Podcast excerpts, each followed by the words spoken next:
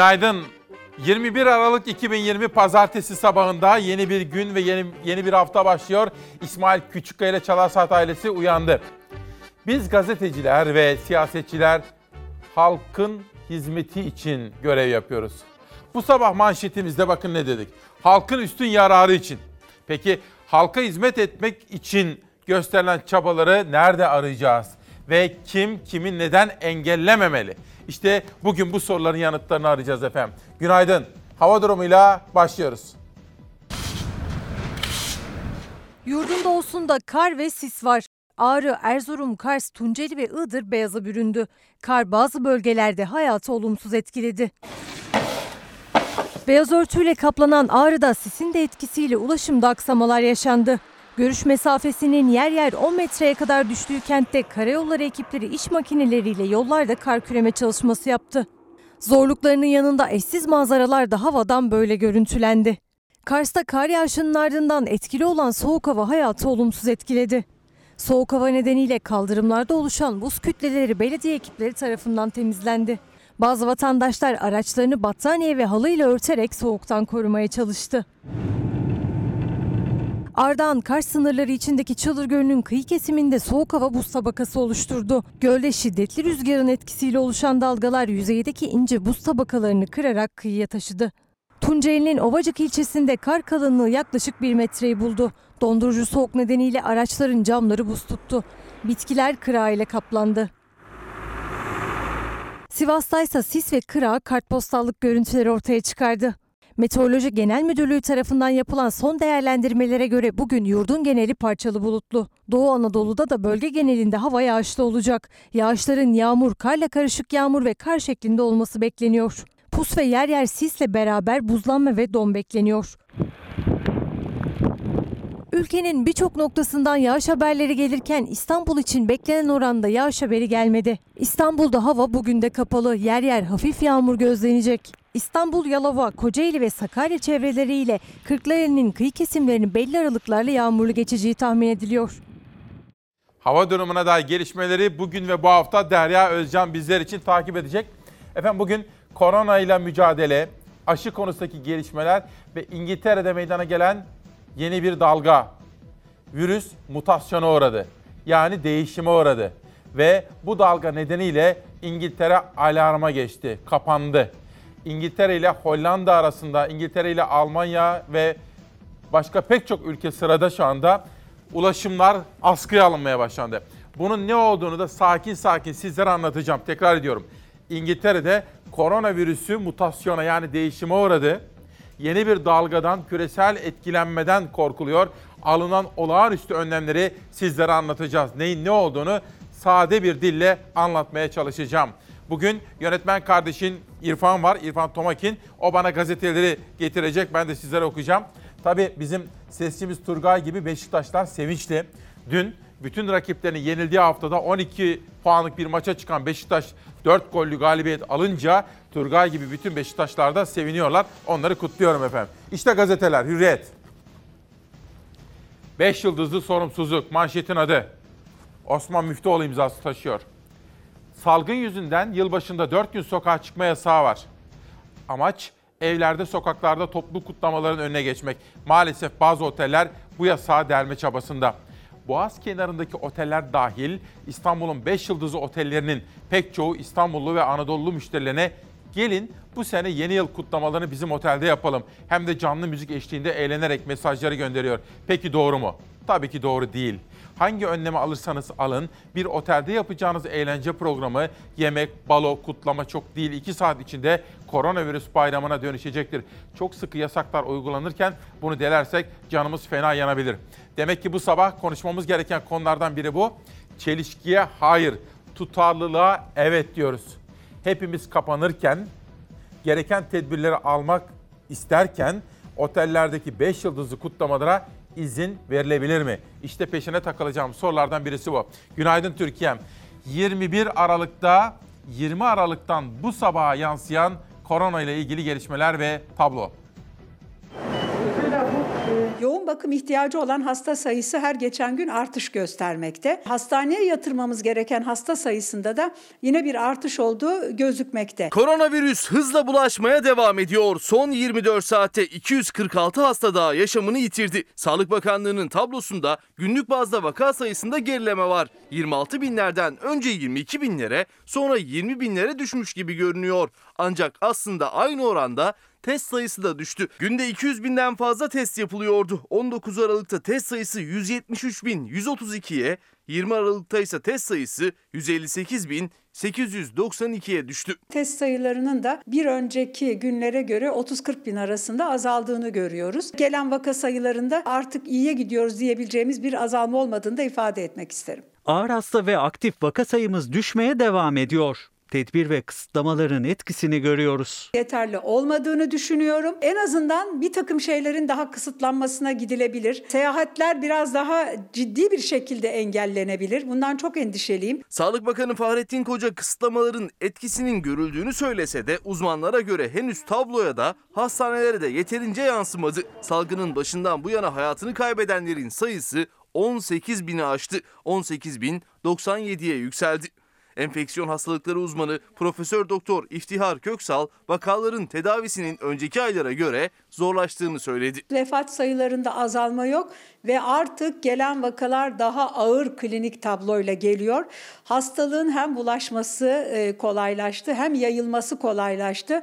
Muhtemelen e, biraz daha klinik tabloyu da ağırlaştırır. Daha önce akciğer belirtileri ön plandaydı. Son zamanlarda e, şiddetli bulantı ve şiddetli baş ağrısı Profesör Köksal'a göre durum bu kadar ciddiyken kimse aşı rehavetine kapılmamalı. Nasıl olsa aşı getiriyor diye bir vehamete de lütfen kimse kapılmasın. Herkesin aşılanması, birdenbire aşılanması imkansız. Aşılanacak risk grupları belirlenmiştir. Aşılardan yanıt alma oranı herkeste aynı değildir. Hala kalabalıkları görünce bizim tüylerimiz diken diken oluyor. Çok endişeliyiz. Biraz gitmeyelim ya da işimiz yoksa çıkmayalım dışarıya. Artık gezme tozma zamanı değil. İhtiyaç yoksa dışarı çıkmamak lazım. Özellikle de yılbaşı kutlamasına yönelik endişe büyük. Önümüz yılbaşı ve bir tatil inanın çok endişeliyiz. Burada aileler bir araya gelip de birbirlerini infekte ederlerse bizim bu hani azalıyor e, ya da azaldığını ifade ettiğimiz şeylerin tamamen terse dönebileceğini düşünüyorum. Çok kritik bir dönemden geçiyoruz. Çok dikkatli olmamız ve asla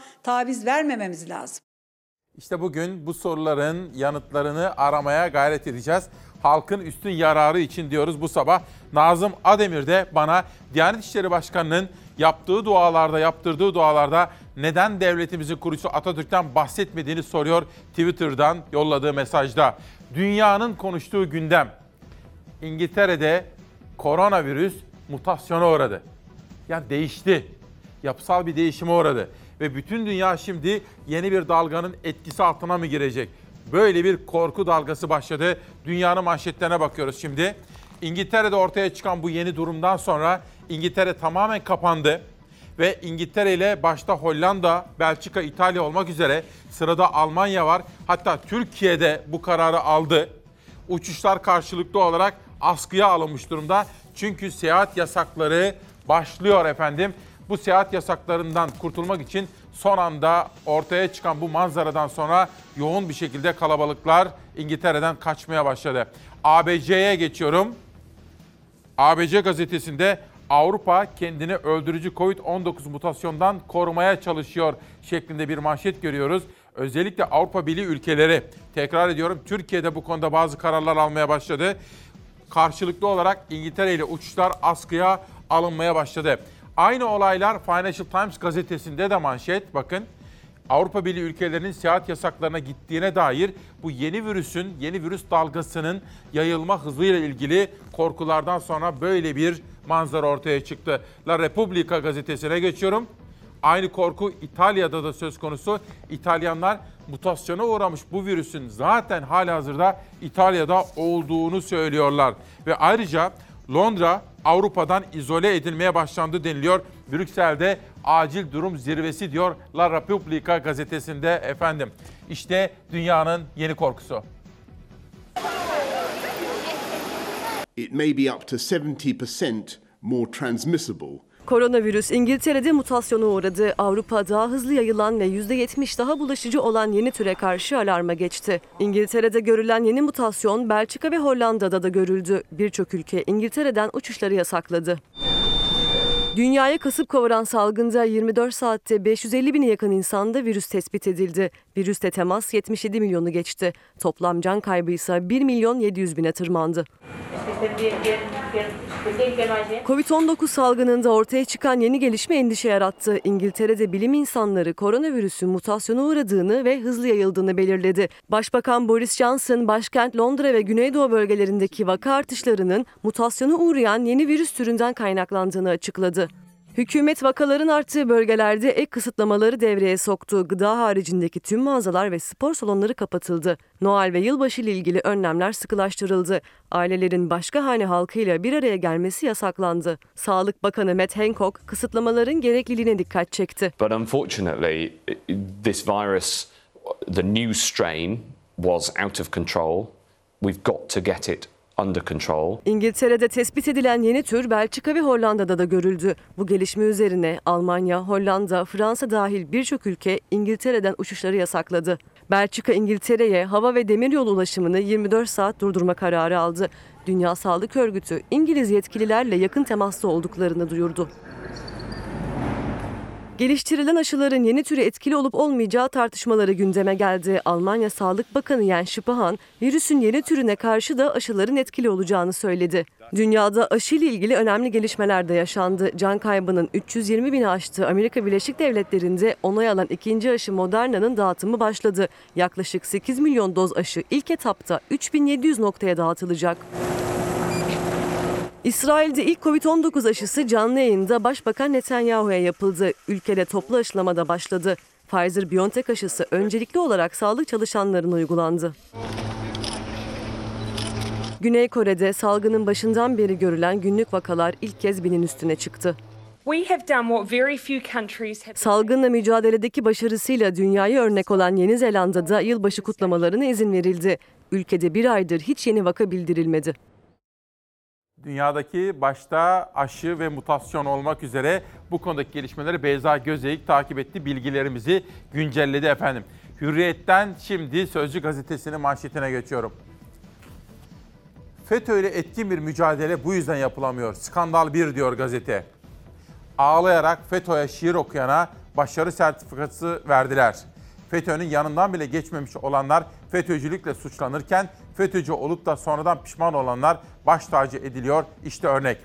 Adı Müçteba Kılıç. Üniversitede devrimci sosyalisti. FETÖ'cü oldu. FETÖ'nün solcuları listesine girdi. FETÖ'cü genç sivillerin avukatlığını yaptı. 2010'da yetmez ama evetçiydi. 15 Temmuz'dan sonra FETÖ'den tutuklandı. Öğrenciyken Fethullah Gülen'in karşısında ağlayarak şiir okuyan Müçteba Kılıç bu yıl AKP'nin siyaset akademisine kabul edildi. İnternetten derslere katıldı. Başarı sertifikası aldı. Allah bir kapıyı kaparsa bin kapıyı açar. Devlet elimden tuttu diye açıklama yaptı diyor efendim. Bir çelişki iddiası ve manşeti. Sözcüden bir detay daha var. Onu da sizlere aktaracağım. Bugün ayrıca Hürriyet gazetesi yazarı Nedim Şener de örgüt elebaşı Fethullah Gülen'in kısmi felç geçirdiğini ve örgütün dağılma noktasına geldiğini, maaşları bile ödeyemediğini yazıyor bugünkü köşesinde. Skandal 2 Sözcü'den. İslam Ansiklopedisi'nde tartışmalı ifadeler. Ali Ekber Ertürk'ün haberi. Ulu Önder Atatürk'e ölüm fetvası çıkaranları Diyanet'in kitabında beyefendi yaptılar. Diyanet Vakfı'nın İslam Ansiklopedisi'nde Sevr Anlaşması'nı ve Yunan ordusunu destekleyen iki Şeyhülislam'ı yere göğe sığdıramadılar.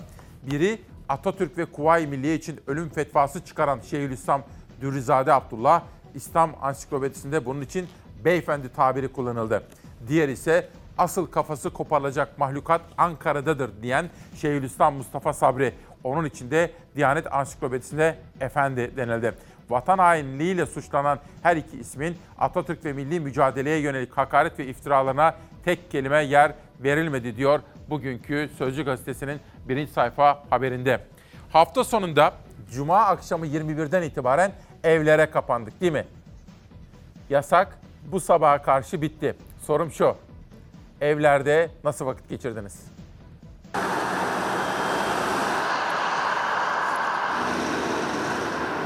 Hafta sonu 56 saatlik kesintisiz sokağa çıkma kısıtlaması uygulandı. Türkiye evlerine çekildi. Turistik yerler, caddeler kısıtlamadan muaf tutulan turistlere kaldı. Yasağın saat 5'te bitmesiyle sokaklar yeniden hareketlendi.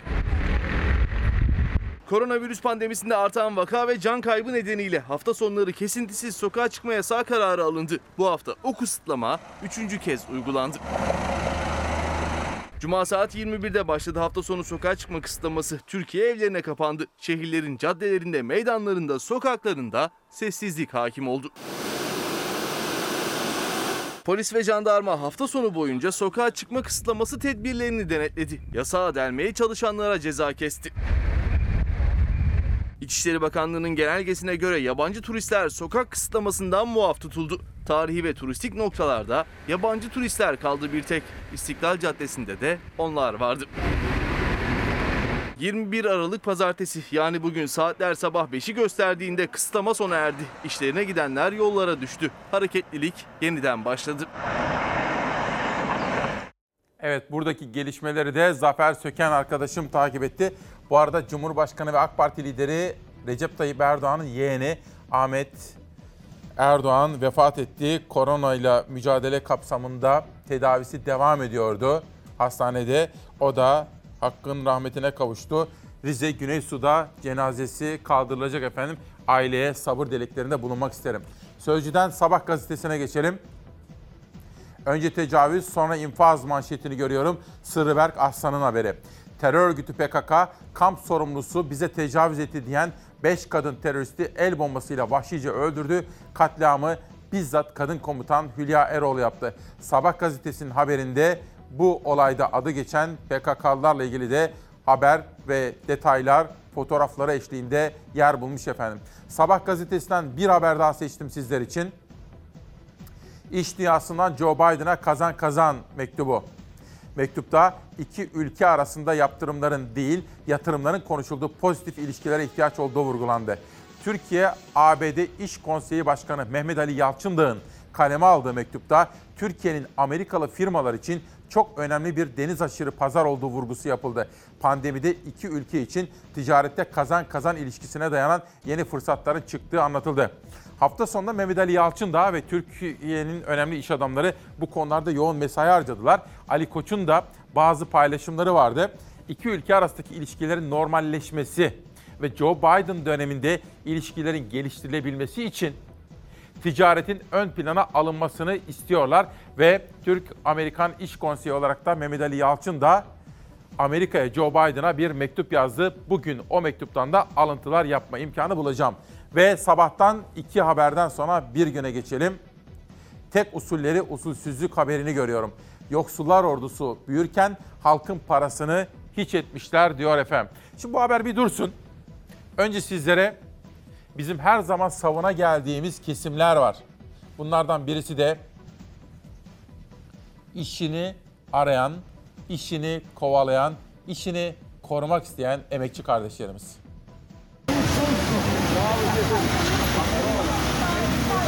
...10 kilonun üstünde yük taşımaları mevzuata aykırı ama onlar geçtiğimiz cuma sabahı da son bir yıldır hafta içi her sabah olduğu gibi 20-25 kiloluk çuvallarla kargo teslim etmeye gitti yaya olarak. Pandemi döneminin en ağır yükünü sırtlayan PTT taşeron işçileri iddiaya göre sendikaya üye olduktan sonra işten atıldı. 11 sendika yöneticisinin de işlerine son verildi. Anayasanın 51. maddesi ihlal edildi, hukuk ayaklar altına alındı. Sendika anayasal haktır.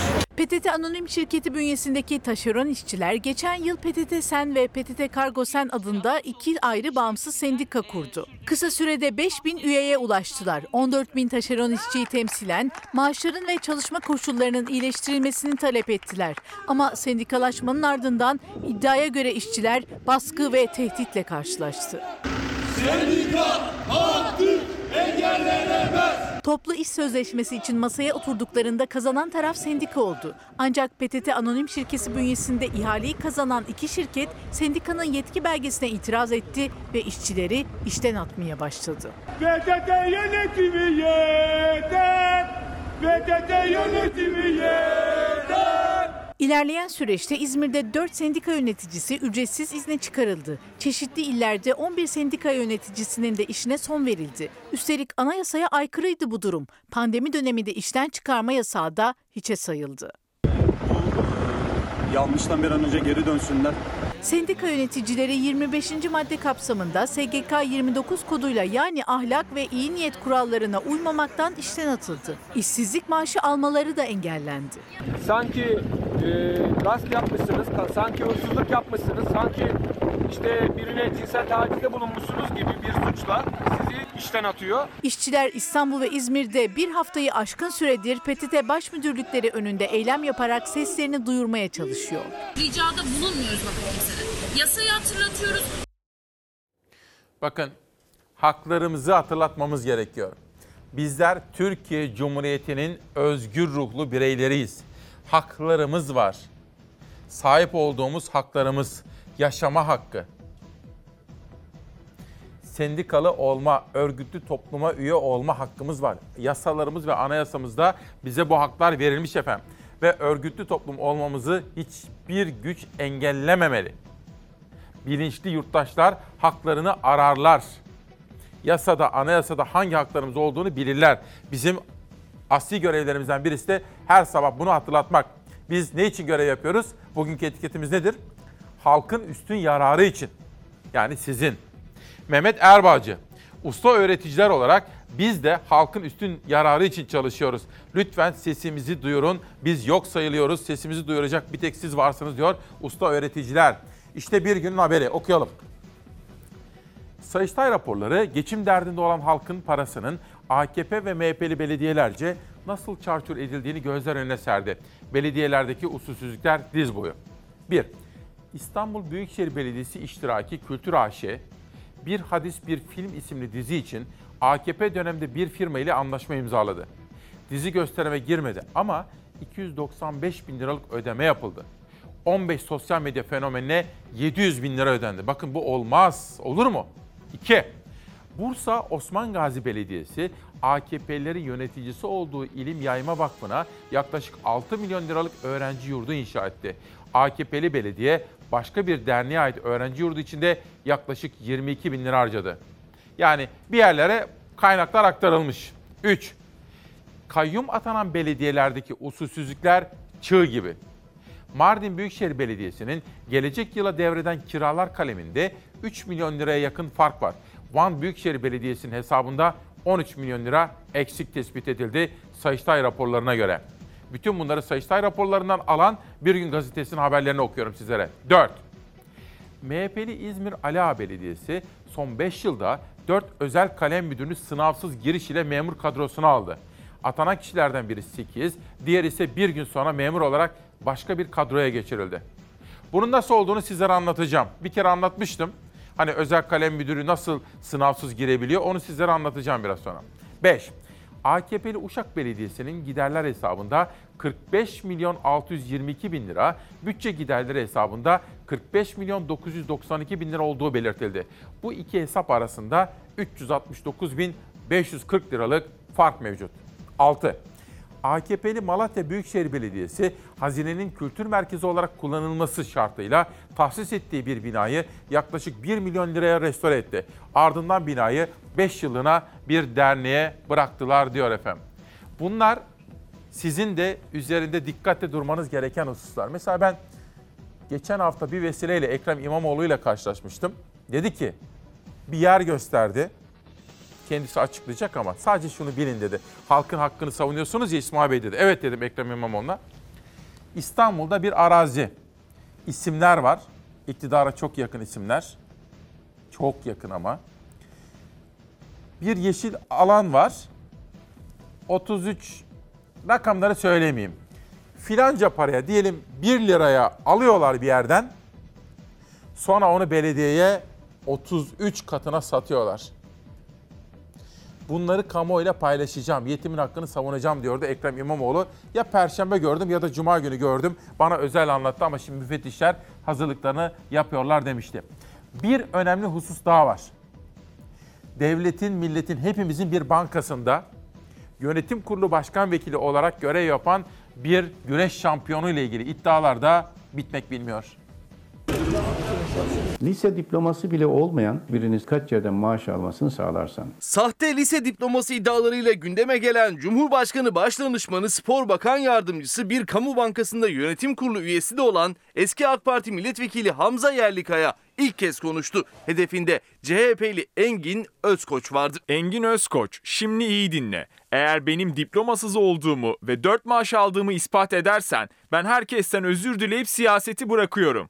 Aksi durumda sen ne yapacaksın? Cumhuriyet gazetesi gündeme getirdi eski milli güreşçi Hamza Yerlikaya'nın lise diplomasının sahte olduğuna ilişkin 2001 tarihli mahkeme kararını. Meclisin resmi sitesinde üniversite mezunu olarak görünüyor Yerlikaya. AK Parti'nin sitesinde ise lise mezunu. Lise diploması bile olmayan ve sahtekarlık yapmış birini sadece dünya güreş şampiyonu falan deyip üniversite diplomasını varsayıp banka yönetim kurulu ve bakan yardımcısı statüsüyle birkaç yerden maaş almasını sağlarsan. Doktoralı gençlerimiz bile işsizlikten evde otururken lise diplomasının sahte olduğu mahkeme kararıyla tespit edilen Sarayzade Hamza Yerlikaya devletten 4 maaş almaya devam ediyor. Sahte lise diploması tartışmasında muhalefetten sesler böyle yükseldi. Günler sonra Hamza Yerlikaya sessizliğini bozdu. Sahte diploma ve 4 maaş iddialarının yalan olduğunu savundu. İddiaları dillendiren CHP'li Engin Özkoç'a da iddialarını ispat et ya da istifa et diye seslendi. İspat edemezsen milletvekilliğinden istifa edecek misin? Ben uzun zamandır çalıştım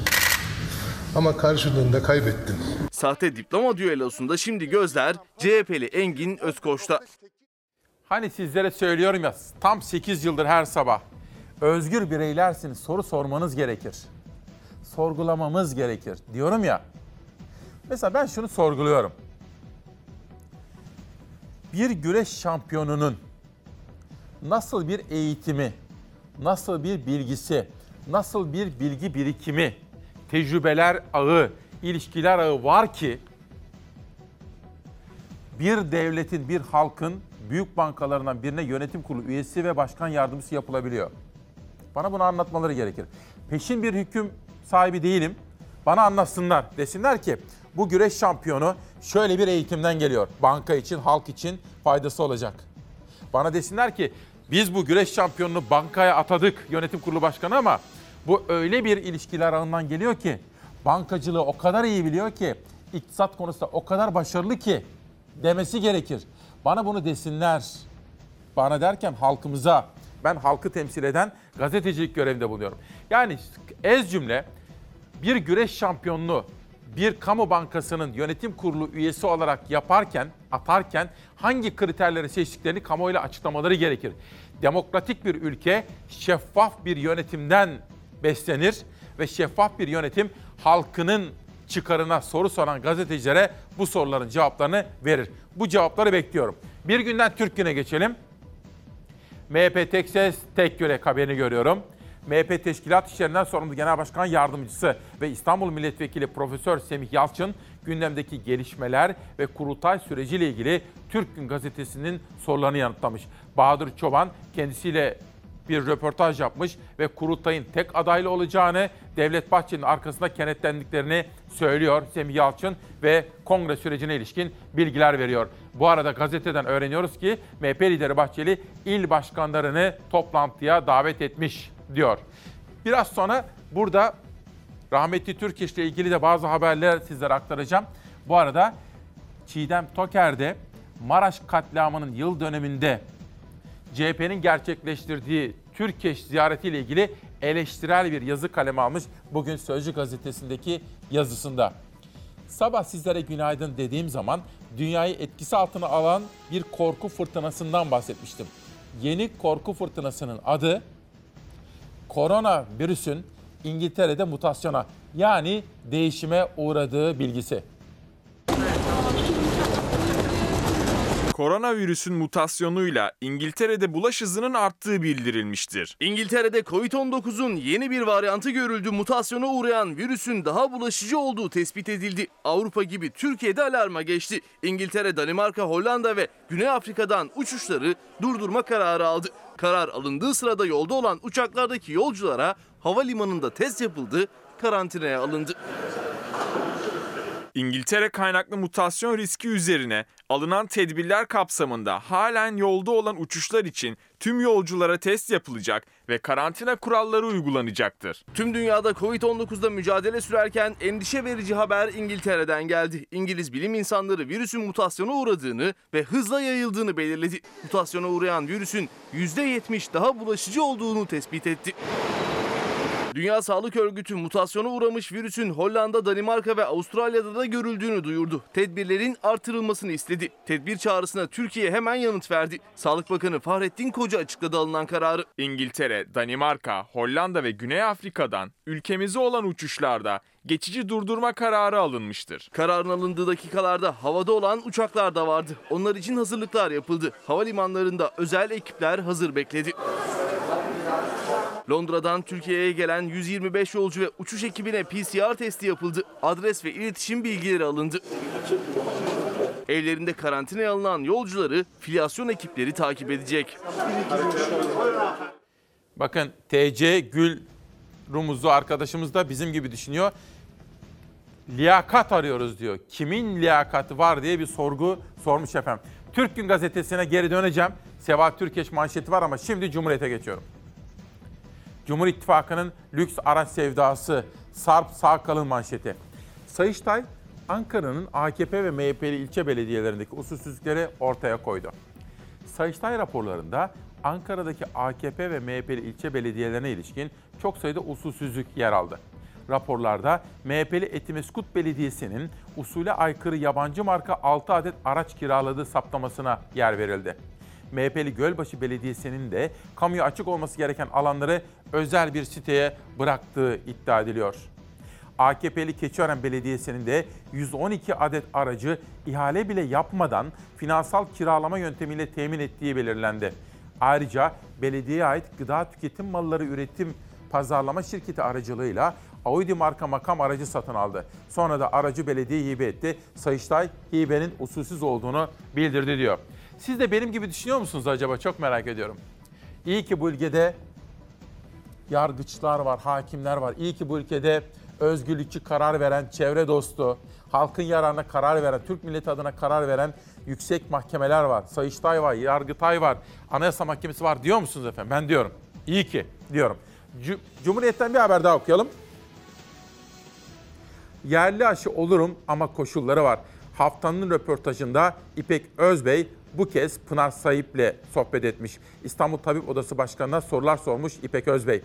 Aşı konusunda zaman ilerledikçe binlerce hastalanmamış gönüllü bulmanın da zorlaşacağını belirten Profesör Pınar Sayıp, yerli aşı olmak koşullarını şöyle sıraladı. Etkinliği ve güvenliği bütün çalışma aşamalarında kanıtlanırsa, çalışmalar etik kurallara uygun bir şekilde tamamlanırsa, etkinlik ve güvenlik verileri bağımsız denetime tabi tutulursa tabii ki olurum diyor efendim. Biraz sonra Yoğun Bakım Hemşireleri Dernek Başkanı geliyor buraya. Yoğun bakımlarda hastanelerdeki durumu, gözlemlerini, sorunları ve o sorunlara dair tespitlerini, çözüm önerilerini bizimle paylaşacak Demokrasi Meydanı'nda tekrar ediyorum. Yoğun Bakım Hemşireleri Dernek Başkanı geliyor. Hepinizin çok dikkatle takip etmesi gerektiğini düşünüyorum efendim. O röportajda biraz sonra bakalım hangi manşetleri bulacağız. Koronayla mücadelede yasaklar, kısıtlamalar ve ortaya çıkan manzaralar. Çocuk bezleri var ya kalabalık olacak elim. Bana bir kerelik affedin ya. Çocuk bezi alma çıkmışım. Bir kerelik affedin diyen de oldu. Çalışıyorum gece 8'de geldim. Torun var evde. Dediler bez. Yasak olmasına rağmen dışarı çıkıp halı sahada maç yapan da. Bursa Yıldırım Ulus Mahallesi. Görüyorsunuz. Cuma gecesi başlayan 56 saatlik hafta sonu sokağa çıkma kısıtlamasında birçok ilde yasakları uyuldu. Cadde ve sokaklar sessizliğe büründü. Ancak her zaman olduğu gibi yasakları hiçe sayanlar da vardı. Maske yok, sosyal mesafe yok, sokağa çıkma yasakları yok. Herkes sokaklarda. Bursa'da sokaklar kalabalıktı. Ne maske kuralına uyan vardı ne de mesafe. Halı sahada maç yapıldı, yürüyüşe çıkıldı. Parklarda oyun oynayan çocuklar polisi görünce kaçmaya başladı. Polisimiz duruma müdahale ediyor. Çocuklar kaçtı tabii. Arkadaşlar evde kalın evde. Aksaray'da ihbar üzerine sokakta olan iki vatandaşa ekipler ceza kesti. Uzun süredir sokakta yürüdükleri ihbarı üzerine geldiklerini açıklayan ekipler ceza kesilen bir vatandaşın gerekçesini anlamakta güçlük çekti. Sokağa çıkmıyorum. Biz sokakta yürüyerek gidiyorum ben. Tekirdağ'ın Malkara ilçesinde polis ekipleri sokağa çıkma kısıtlamasına uymayanları tek tek yakaladı. Araçlarıyla market alışverişine çıkan vatandaşlara 3150'şer lira para cezası kesildi. Çıkmayacaksın. Onu ben getir ekmeğimi hemen. Yemeğimi getir hemen. Getiririm. Getir. Gerekse getiririm ya çıkmayacaksın. Arayacaksın paket servis söyleyeceksin. Kahramanmaraş'ta yasağı delip otomobille gezintiye çıkan 3 kişi polis aracına çarpınca yakayı ele verdi. Ben sürüyordum arabayı. işlem da. Ya ben sürüyorum. Bunu işlem yapın. Ben sürüyorum arabayı. Karşılıklı şoför bendim tartışması uzayınca polis araçtaki 3 kişiyi de gözaltına aldı. Yalan benden de yapın. Arabayı ben sürüyordum. Atın bunları nezarete. Adana'da polis 11 adrese kumar operasyonu düzenledi. 158 kişiye kumar oynamak ve tedbirlere uymamaktan 167.250 lira ceza kesildi. Sen acıktın bahçeye mi geldin? Bitlis'in Ahlat ilçesinde yaşayan 21 yaşındaki bedensel engelli Uğur Avcı'nın görüntüsü ise yürekleri ısıttı. Kısıtlama boyunca sokak hayvanlarının aç kalmaması için akülü aracıyla caddeleri dolaşıp yiyecek dağıttı. Sokağa çıkma yasağından dolayı e, kısıtlamalarda dışarıya çıkıp her gün do- düzenli dolaşıp beslemelerimi yapıyorum. Sokak hayvanlarını beslemeye çalışıyorum. Kırıkkale'de de jandarma ekipleri unutmadı sokak hayvanlarını. Birçok noktaya mama ve su bırakıldı. Elazığ'ın Ağın ilçesinde tedbirler titizlikle uygulandı. İlçe belediyesi sokağa çıkma yasağında vatandaşlara drone'la maske dağıttı. Evet biraz sonra Yoğun Bakım Hemşireleri Dernek Başkanı gelecek. Hastanelerdeki durumu bizlere gözler önüne serecekler efendim. Bakın sizlerden gelen sorular. Londra'dan kaçış izdihamı işte bu konuyu irdeliyoruz. Virüs mutasyona yani değişime uğradı. Bunun neticesinde yeni bir küresel dalgadan korkulduğu için İngiltere ile uçuşlar karşılıklı olarak askıya alınmaya başladı. Bugünkü ana öykülerimizden birisi bu. İki, Hürriyet gazetesinin manşetinde olduğu gibi bakın. iki dakika önce bir paylaşım yapmış Mehmet Ali Dim. Bazı 5 yıldızlı otellerin yılbaşı paketlerine Alanya'da turizm sektöründen de tepki geldi. Yeni yıl zehir olmasın. Yani hepimiz kapanırken 5 yıldızlı otellerde yılbaşı kutlaması yapılamaz diyor bugün Osman Müftüoğlu'nun da sözleri. 21 Aralık önemli günlerden biri efendim. Bugün ayrıca bizim izleyenlerimizden Cem 18 yaşına giriyor. Cem Ulusoy da bugün doğum gününü kutluyor. 17 yaşını bitiriyor. 21 Aralık itibariyle 18'e giriyor. Ona da güzel bir ömür diliyorum genç kardeşime. Yeni Çağ Gazetesi'nden bir manşet. Emsal teşkil edecek karar diyor. Yüksek faizlerle borcu 5'e katlanan ve icralık olan Tokatlı çiftçinin yüzü mahkemede güldü. Çiftçilik yapan Yahya Akbaş, borcuna karşılık işletilen yüksek faizin iptali için tarım kredi kooperatifleri aleyhine açtığı bütün davaları kazandı. 230 bin liralık borç 43 bin liraya düştü diyor. Ve işte aslında çiftçimizin yaşadığı mahkemelerden gelen bu haber başka çiftçilerimize de onlara emsal teşkil edebilir. Bunu da takip edeceğim. Dünya Sağlık Örgütü'nün Türkiye temsilcileriyle konuşuyorum bir süredir. Dün de Ayşegül Hanım, temsilci yardımcısı, onunla da konuştuk. Tarım konusunu bu hafta veya önümüzdeki hafta çok geniş bir şekilde konu olarak işleme alacağız. Bir tartışma, kısıtlamalar, alınan tedbirler ve eksik bıraktıklarımız. 200'lük şurada. Aynı Bahçeli ve milletvekilleri HDP ile yan yana oturuyorlar mecliste. HDP'li birisi meclis başkanlığı gö- görevini üstleniyorsa meclis başkan vekili olarak ona sayın başkanım diyerek söz alıyorlar.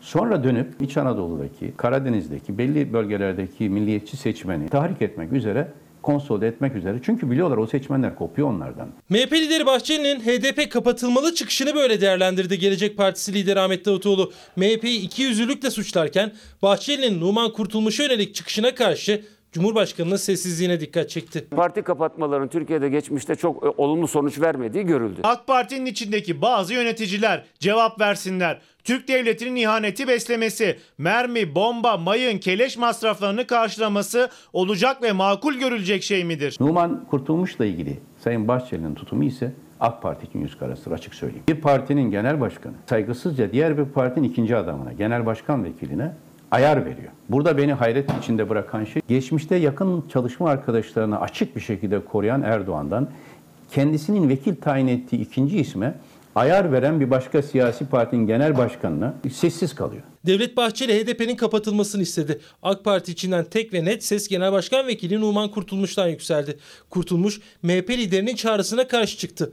Bahçeli'nin kurtulmuşa yanıtıyla da parti kapatma tartışması Cumhur İttifakı içine taşındı. Parti kapatmaktan ziyade legal olarak faaliyetini sürdürdüğünü iddia eden partinin ya da partilerin Türkiye Cumhuriyeti Devleti'nin temel ilkeleri çerçevesinde Türkiye'de halklar arasına düşmanlığı koymayacak şekilde bir siyaset tarzı benimsemeleri zorunludur. Diyorlar ki parti kapatmanın Türkiye'de olumlu bir sonucu görülmedi. Mesele parti kapatmanın ötesinde ihaneti cezalandırmaktır. Numan Kurtulmuş Sayın Cumhurbaşkanı gidip şunu demesi lazım. Ben sizin geçmişte savunduğunuz şu, şu ilkeler ışığında söylemiştim parti kapatmak çözüm değil.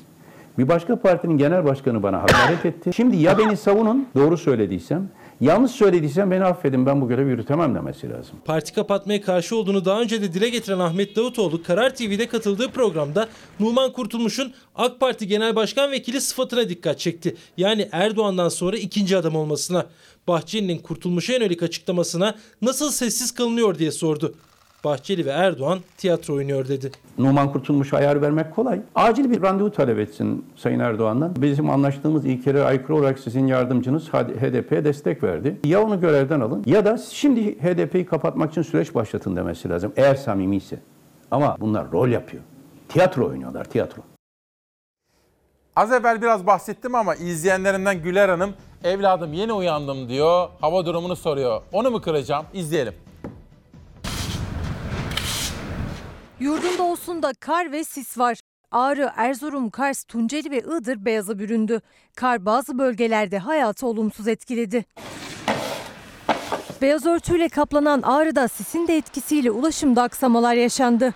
Görüş mesafesinin yer yer 10 metreye kadar düştüğü kentte karayolları ekipleri iş makineleriyle yollarda kar küreme çalışması yaptı. Zorluklarının yanında eşsiz manzaralar da havadan böyle görüntülendi. Kars'ta kar yağışının ardından etkili olan soğuk hava hayatı olumsuz etkiledi. Soğuk hava nedeniyle kaldırımlarda oluşan buz kütleleri belediye ekipleri tarafından temizlendi. Bazı vatandaşlar araçlarını battaniye ve halıyla örterek soğuktan korumaya çalıştı. Ardahan Kars sınırları içindeki Çılır Gölü'nün kıyı kesiminde soğuk hava buz tabakası oluşturdu. Gölde şiddetli rüzgarın etkisiyle oluşan dalgalar yüzeydeki ince buz tabakalarını kırarak kıyıya taşıdı. Tunceli'nin Ovacık ilçesinde kar kalınlığı yaklaşık 1 metreyi buldu. Dondurucu soğuk nedeniyle araçların camları buz tuttu. Bitkiler kıra ile kaplandı. Sivas'ta ise sis ve kıra kartpostallık görüntüleri ortaya çıkardı.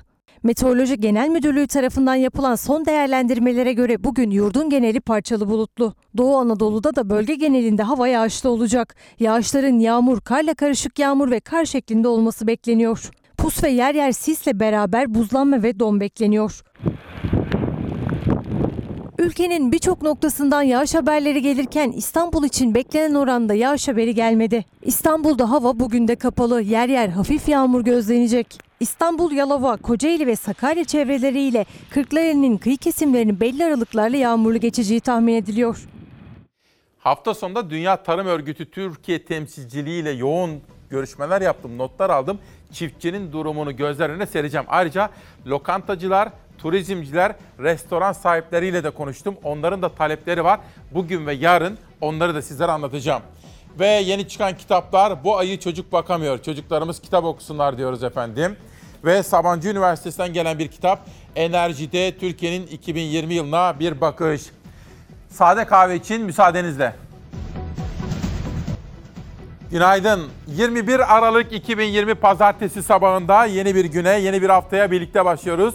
İsmail Küçükkaya ile Çalar Saat ailesi hastanelerde veya evlerinde tedavisi devam eden hastalarımıza ve özgür hayatlarını bekleyen, sevdiklerine kavuşmayı dileyen cezaevlerindeki bizimle birlikte olan Çalar Saat ailesinin üyelerine onlara bir selam söyledikten sonra halkın üstün yararı için bugünkü manşetimiz bu esnafın sesini duymamız gerekiyor. Bendevi Palandöken esnaf kardeşlerimiz adına bir ses yükseltiyor. O sesi duymak ve duyurmak, Ankara'ya iktidarıyla muhalefete o sesi aktarmak bizim görevimiz. Şimdi İrfan kardeşimden rica ediyorum ikinci tur gazeteler geliyor. Cumhuriyet Gazetesi ile başlayacağım şimdi. Bir manşet. Yerli aşı olurum ama koşulları var. Biraz sonra Yoğun Bakım Hemşireleri Derneği Başkanı Ebru Kramer bizimle olacak ve bugün İpek Özbey'in sorularını yanıtlayan Pınar Sayıb'in yapmış olduğu açıklamalar ışığında doktorlar ve bütün sağlık çalışanlarının yaşadıklarını biraz sonra demokrasi meydanında detaylı olarak konuşma imkanı bulacağım. Kaçırmayınız. Hastanelerde neler yaşanıyor? Bize anlatacak Yoğun Bakım Hemşireleri Dernek Başkanı. Cumhuriyet'ten bir sonraki gazete gelsin. Pencere. Çin'den gelecek aşıya ilişkin haberler de vardı burada. Ve ayrıca bunu bir küçültelim. Bu değil arkadaşlar. Bunu bir küçültelim. Bakın şuraya vermek istiyorum. Heh. Çin'den gelecek aşı 3 milyon ile sınırlı olacak. Habertürk yazarı Muharrem Sarıkaya, Türkiye'ye bu hafta için geleceği söylenen ama gelmeyen Çin aşıları ile ilgili son gelişmeleri köşesinden duyurdu Habertürk'te. Sarıkaya ilk sefer 10 milyon değil 3 milyon aşı geleceğini, bunların da 24 Aralık Perşembe günü Türkiye'de olacağını yazdı. Aşının Türkiye'ye gelmemesinin 3 nedeni olduğunu belirten Sarıkaya, bunların Helsinki Deklarasyonu gereği aşının henüz ruhsatının olmaması, Dışişleri ve Sanayi Bakanlığı'nı ilgilendiren durumlar olduğu kaydetti. Deklarasyon sorununun yönetmelikle aşıldığını, bakanlık meselelerinin de çözüldüğünü ifade eden Sarıkaya, Çin'den kaynaklı sorunlara da değindi. Ama şu soruyu sormamız gerekiyor. Neden sadece Çin aşısına bel bağlayalım ki? Mesela Almanya'daki Türklerin bulduğu aşı var. Amerika'da bir başka aşı var. İngiltere'de Oxford'da bulunan bir başka aşı var. Acaba diyorum ben korkmaya başladım açıkçası. Grip aşısı olamadık ya. Zamanında tedarik edemedik ya. Büyüklerimiz aşı olamadı ya gripte. Böyle bir sorun, böyle bir gecikme, böyle bir organizasyon yetersizliği yine olursa o zaman bunun faturası ağır ve kötü olur diye düşünüyorum efendim. Şimdi ilk manşet, bu kuşağın ilk manşeti esnaf için. Esnaf gerçekten çok zor durumda. Sabah uyandığımızda günü ne şekilde kurtarırız gibisini bekliyoruz. Bizim şu anda elektrik faturamız 10-12'den aşağı gelmiyor. Suyumuz 7-8'den aşağı gelmiyor. Müşteri olsun olmasın yakmak zorundayız. Elektrik, su, doğalgaz gibi bedellerinde, atık su bedeli gibi bunlar tamamen kaldırılmalı. Sigortalar bekliyor, vergiler bekliyor, işçi maaşı bekliyor, bekliyor da bekliyor. İş %90 düşük, fatura %60 gene aynı. Ne vazgeçebiliyor ne de omuzlarındaki yükü kaldırabiliyorlar. Ekmek teknelerinin kapısına kilit vurmamak için her geçen gün verdikleri sınav artık daha da ağır. Pandemi kısıtlaması nedeniyle zor günler geçiren esnaf için TESK Başkanı Bendevi Palandöken bir çağrı yaptı. Esnafın ödediği elektrik, su ve doğalgaz faturalarından 6 ay boyunca vergi alınmasın dedi. 10 bin lira civarı elektrik faturası geliyor. 3-4 bin lira su. 1500-2000 civarı doğalgaz faturası geliyor. Bizim hep cebimizden çıkıyor ama gelir yok. Esnaf aylardır gelir gider dengesi arasında bocalıyor, borçları boyunu aşıyor. İşte o örneklerden biri şu anda burası 70 bin lira kirası olan ve aylık yaklaşık 30 bin lira faturası olan bir restoran. Ancak öğle saatleri olmasına rağmen hala tek bir siftah yapamadılar. 40 personel vardı. Kalan personel sayımız 8-10. Mağduriyete mağduriyeti getiriyor. Devletimizde şu anda doğalgaz, elektrik, su, vergi alınmasının yarısı olsa en azından bir nebze de olsa nefes alabiliriz. Sektör kan ağlıyor. Evet, Kapanan evet, evet. dükkanlar neler Çok ararsanız var ama artık bizim de evimizi geçindirmeye ihtiyacımız var. Kolonyamızdan bulun. Zaten varımız yoğumuz bir kolonyamız kaldı. Deva Partisi Genel Başkanı Ali Babacan da Kocaeli esnaf ziyaretinden paylaştı bu görüntüleri ve esnafın isyanını. Son kabine toplantısı sonrası Cumhurbaşkanı da esnafa yardım paketini açıkladı. 1000 lira hibe, büyük şehirlerde 750 lira kira yardımı dedi ama yardım tüm esnafa değil, basit mükellefe. Esnafın talebi ise önemli gider kalemi olan faturalarda vergi muafiyeti. Şu an kömürümüz yanıyor mesela. Mecbur para vermek zorundayız. Elektrik yanıyor. Su giderimiz oluyor. İş olsun olmasın çark dönmek zorunda. Esnafın durumu bu. Alacaksın bu kredi kartlarını. Bundan çekeceksin, buna yatıracaksın. Bundan çekeceksin, buna yatıracaksın. Sonra diyecekler ki ödeyeceksin onu da. En azından şurada çalışan paketçilerin, şurada çalışan işçi arkadaşların ekmek paraları çıksın. Yoksa burada pa- para kazanılan, kar edilen hiçbir şey yok. Tam tersine zararı var bir de. Şimdi aşı ile ilgili yorumlarınız geliyor, haklısınız. Ben de sizler gibi düşünüyor ve kaygılanıyorum. O mesajları okuyacağım. Ayşe Hanım'ın mesajını, Mustafa Bey'in mesajını. Ama esnaf zor durumda. Hafta sonunda ben bir taraftan Dünya Tarım Örgütü ile, FAO ile, Türkiye temsilcileriyle konuşuyorum. Köylünün, üreticinin durumunu gözler önüne sereceğim. Bir taraftan esnaf. Mesela Kaya Demirer. Mesela Faruk, Faruk Bey'in soyadı Ügümü. Lokantacılar, restoran sahipleri, turizm işletme sahipleri zor durumda. Devletin başka ülkelerde olduğu gibi kendilerine destek çıkmasını bekliyor. Ciro kayıpları var. KGF borçlarının ödemeleri geldi. 6 ay uzatıldı ama ödeyemiyorlar. Esnaf ne yapsın? Bir de çelişki. Türkiye'm bakın şundan rahatsızlık duymalısınız. Eğer duymuyorsanız yeterince kafamız çalışmıyor demektir. Bundan rahatsızlık duyun lütfen. 5 yıldızlı sorumsuzluk. Bütün Avrupa kapanmış. Herkes evde, biz de evdeyiz. Fakat yılbaşında otellerde kutlama mı yapılacak acaba? Osman Müftüoğlu Hoca da haklı olarak buna tepki gösteriyor. Bu kabul edilemez. Bugün Bilim Kurulu'nun bu konuda bir tavsiyede bulunması, Sağlık Bakanı'nın o tavsiyeye uyması ve AK Parti lideri Cumhurbaşkanı Erdoğan'ın bunu açıklaması gerekir. Halka saygı istiyoruz efendim. Bizler evlere kapanırken 5 yıldızlı otellerde yılbaşı kutlaması yapılamaz. Hayır. Korona ile mücadele kapsamında böyle bir çelişki izin verilemez. Bugün böyle bir gelişmeyi izlemek istiyoruz diyor ve dünyaya geçiyorum. Dünya Gazetesi'nde İş Bankası Genel Müdürü Adnan Bali'nin sözleri var. Güvenin adresi serbest piyasa ve hukuk. Hakan Güldağ'ın yazısı. Türkiye ekonomisinin en temel sermayesi güvendir. Güven sarsıldığında problem çıkar uyarısında bulunan Türkiye İş Bankası Genel Müdürü Adnan Bali, serbest piyasa dinamikleriyle örtüşmeyen işlerin yeni ekonomi yönetimiyle düzelebileceğine dair bir kanaat oluştu dedi. Güvenin karşılığının hukuk ve serbest piyasa olduğunu vurgulayan Bali, geleneksel olmayan, kredibilite kaybına neden olan bütün unsurlar teker teker gideriliyor açıklamasında bulundu diyor. Şimdi bunları bir kaldıralım. Bir tweet gelecek Ekrem İmamoğlu ile ilgili. Bugünkü manşetimiz şuradan çıktı. Onu da söyleyeyim. Hani bütün ekip arkadaşlarımı tek tek söylüyorum ya. Dün danışmanım dikkatimi çekti. Dedi ki Ekrem İmamoğlu'nun 3 ayrı projesi ki bizlerin desteklediği annelere yardım, kreş yardımı, kreş açma gibi konularda. Nihal Kemaloğlu dedi ki bu konularda gerek Sayıştay gerekse belediye meclislerinde engellemeler var. Biz de konuştuk, çalıştık. Halkın üstün yararı için diye bir manşet attık efendim. Gelsin bakalım İmamoğlu. Heh. Sayıştay 0-4 yaş çocuklu annelere sağladığımız ücretsiz ulaşımı, 115 bin çocuğa dağıttığımız ücretsiz sütü ve üniversitelere sağladığımız eğitim desteğini mevzuata aykırı buldu. Üstün kamu yararı bulunan tüm hizmetlerimiz devam edecek.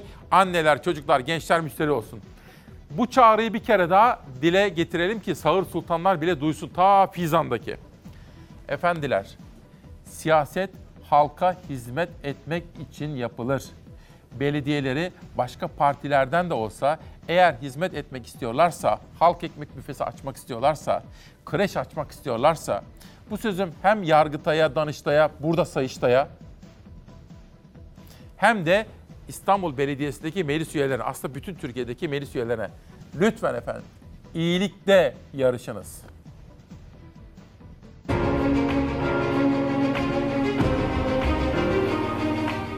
Boğaz'a yapılan, ön arıtmayla yapılan atık sulardaki katı maddeler bu tesiste ayrıştırılmış olacak. Böylelikle çevreye daha az zarar vermiş olacak. Balta Limanı Atık Su Biyolojik Arıtma Tesisinde inşaat çalışmaları tüm hızıyla sürüyor. Tesisin inşaatı %70 oranında tamamlandı. Bu bölgeye Beyoğlu, Şişli, Beşiktaş bölgesinin atık sularının tamamı, Kağıthane, Eyüp ve Sarıyer ilçelerinin de kısmen atık suları gelmekte ve yıllardır burada bir ön arıtma tesisi olarak işlevini yürütmektedir. Bu ön arıtma tesisine bir biyolojik ünitenin de ilave edilmesi gerektiğini düşünerek 2017 yılında burada bir e, biyolojik kısım ilavesine başlandı.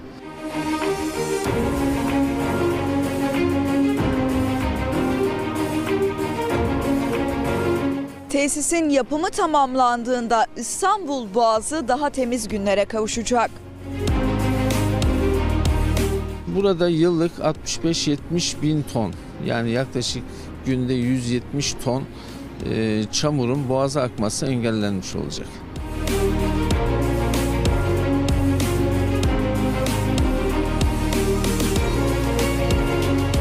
Buradaki çamur çürütme tankları e, Türkiye'de ilk defa yumurta kesit olarak inşa edildi. Her biri 10 bin metreküp e, kapasitesinde. Tesisin enerji ihtiyacının %30'u bu tanklardan karşılanmış olacak. Efendim bugün takip edeceğimiz konulardan birisi bu.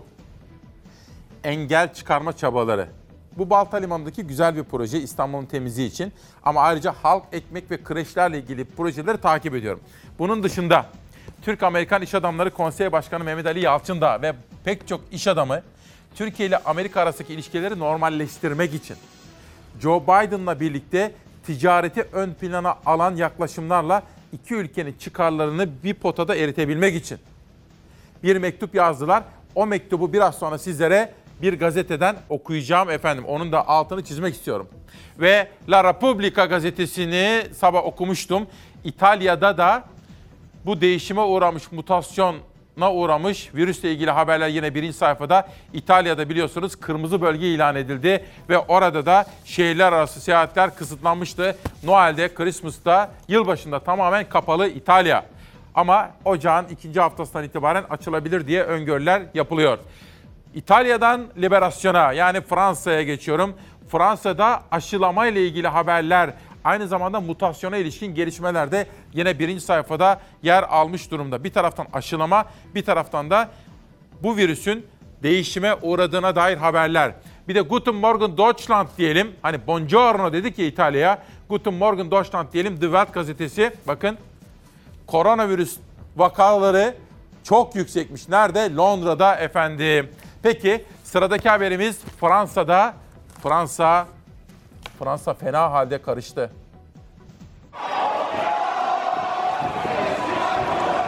Bir ay önce alınan sıkı tedbirler gevşetildi ancak Fransa arka arkaya düzenlenen protestolarla sarsılıyor.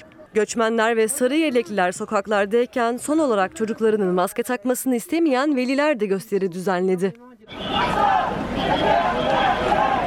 Güvenlik güçlerinin görüntülenmesini yasaklayan yasa tasarısının protestoları sürerken göçmenler döküldü sokaklara. Sağlık hizmetinden yararlanamadıkları, sosyal koruma olmadan yaşadıklarına dikkat çektiler. Oturma ve çalışma izni istediler. En çok da göçmenlerin sığınmak için çıktıkları yolda hayatlarını kaybetmelerine, sessiz kalınmasına yükseldi ses. Göçmenlere en büyük desteği sarı yelekliler verdi. Eğitim hayatının yeniden başladığı Fransa'da bir eylem de veliler yaptı. Çocuklarının maske takmasını istemeyen veliler maskenin başka hastalıklara sebebiyet vereceğini vurguladı. Bırakın çocuklarımız nefes alsın sloganları eşliğinde Macron yönetimine tepki gösterdiler.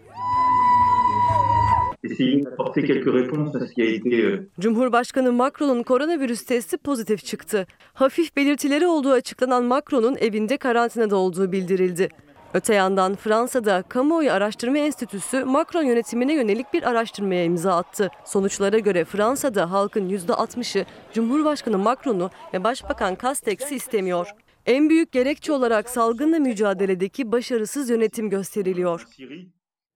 Joe Biden yönetiminin stratejik düşünmesi, Mehmet Ali Yalçındağ ve iş adamlarının önerdiği gibi ki benzeri bir açıklamayı Ali Koç da yaptı Türk iş dünyası adına. Türkiye'nin de Amerika'nın da çıkarınadır efendim. Önemli olan böyle yaptırımlar, cezalandırmalar falan değil. Ticaret hacmini ön plana alalım diyorlar. Ve bazı komisyonların kurulmasından bahsediliyor. Amerika'ya giden o mektupta biraz sonra Hürriyet'ten de okuyacağım. Yerel gazetelere bir bakalım. Halkın üstün yararı için. İzmir 9 Eylül. Acımasız davet. Doğa Koruma ve Milli Parklar Genel Müdürlüğü av turizmi kapsamında henüz öldürülmeyen yaban hayvanlarının bedeli karşılığı vurması için avcılara çağrı yaptı. Gelin vurun daha var. Bu kabul edilemez. İki hafta önce Tunceli Belediye Başkanı Maçoğlu'nun çağrısını, isyanı dile getirmiştik ve oradaki avlanma iptal edilmişti. Bakın bu insanlık dışı bir durumdur. Buna dikkat çekmeye devam edeceğim. Ve İzmir'den Batman'a, Çağdaş'a geçiyorum.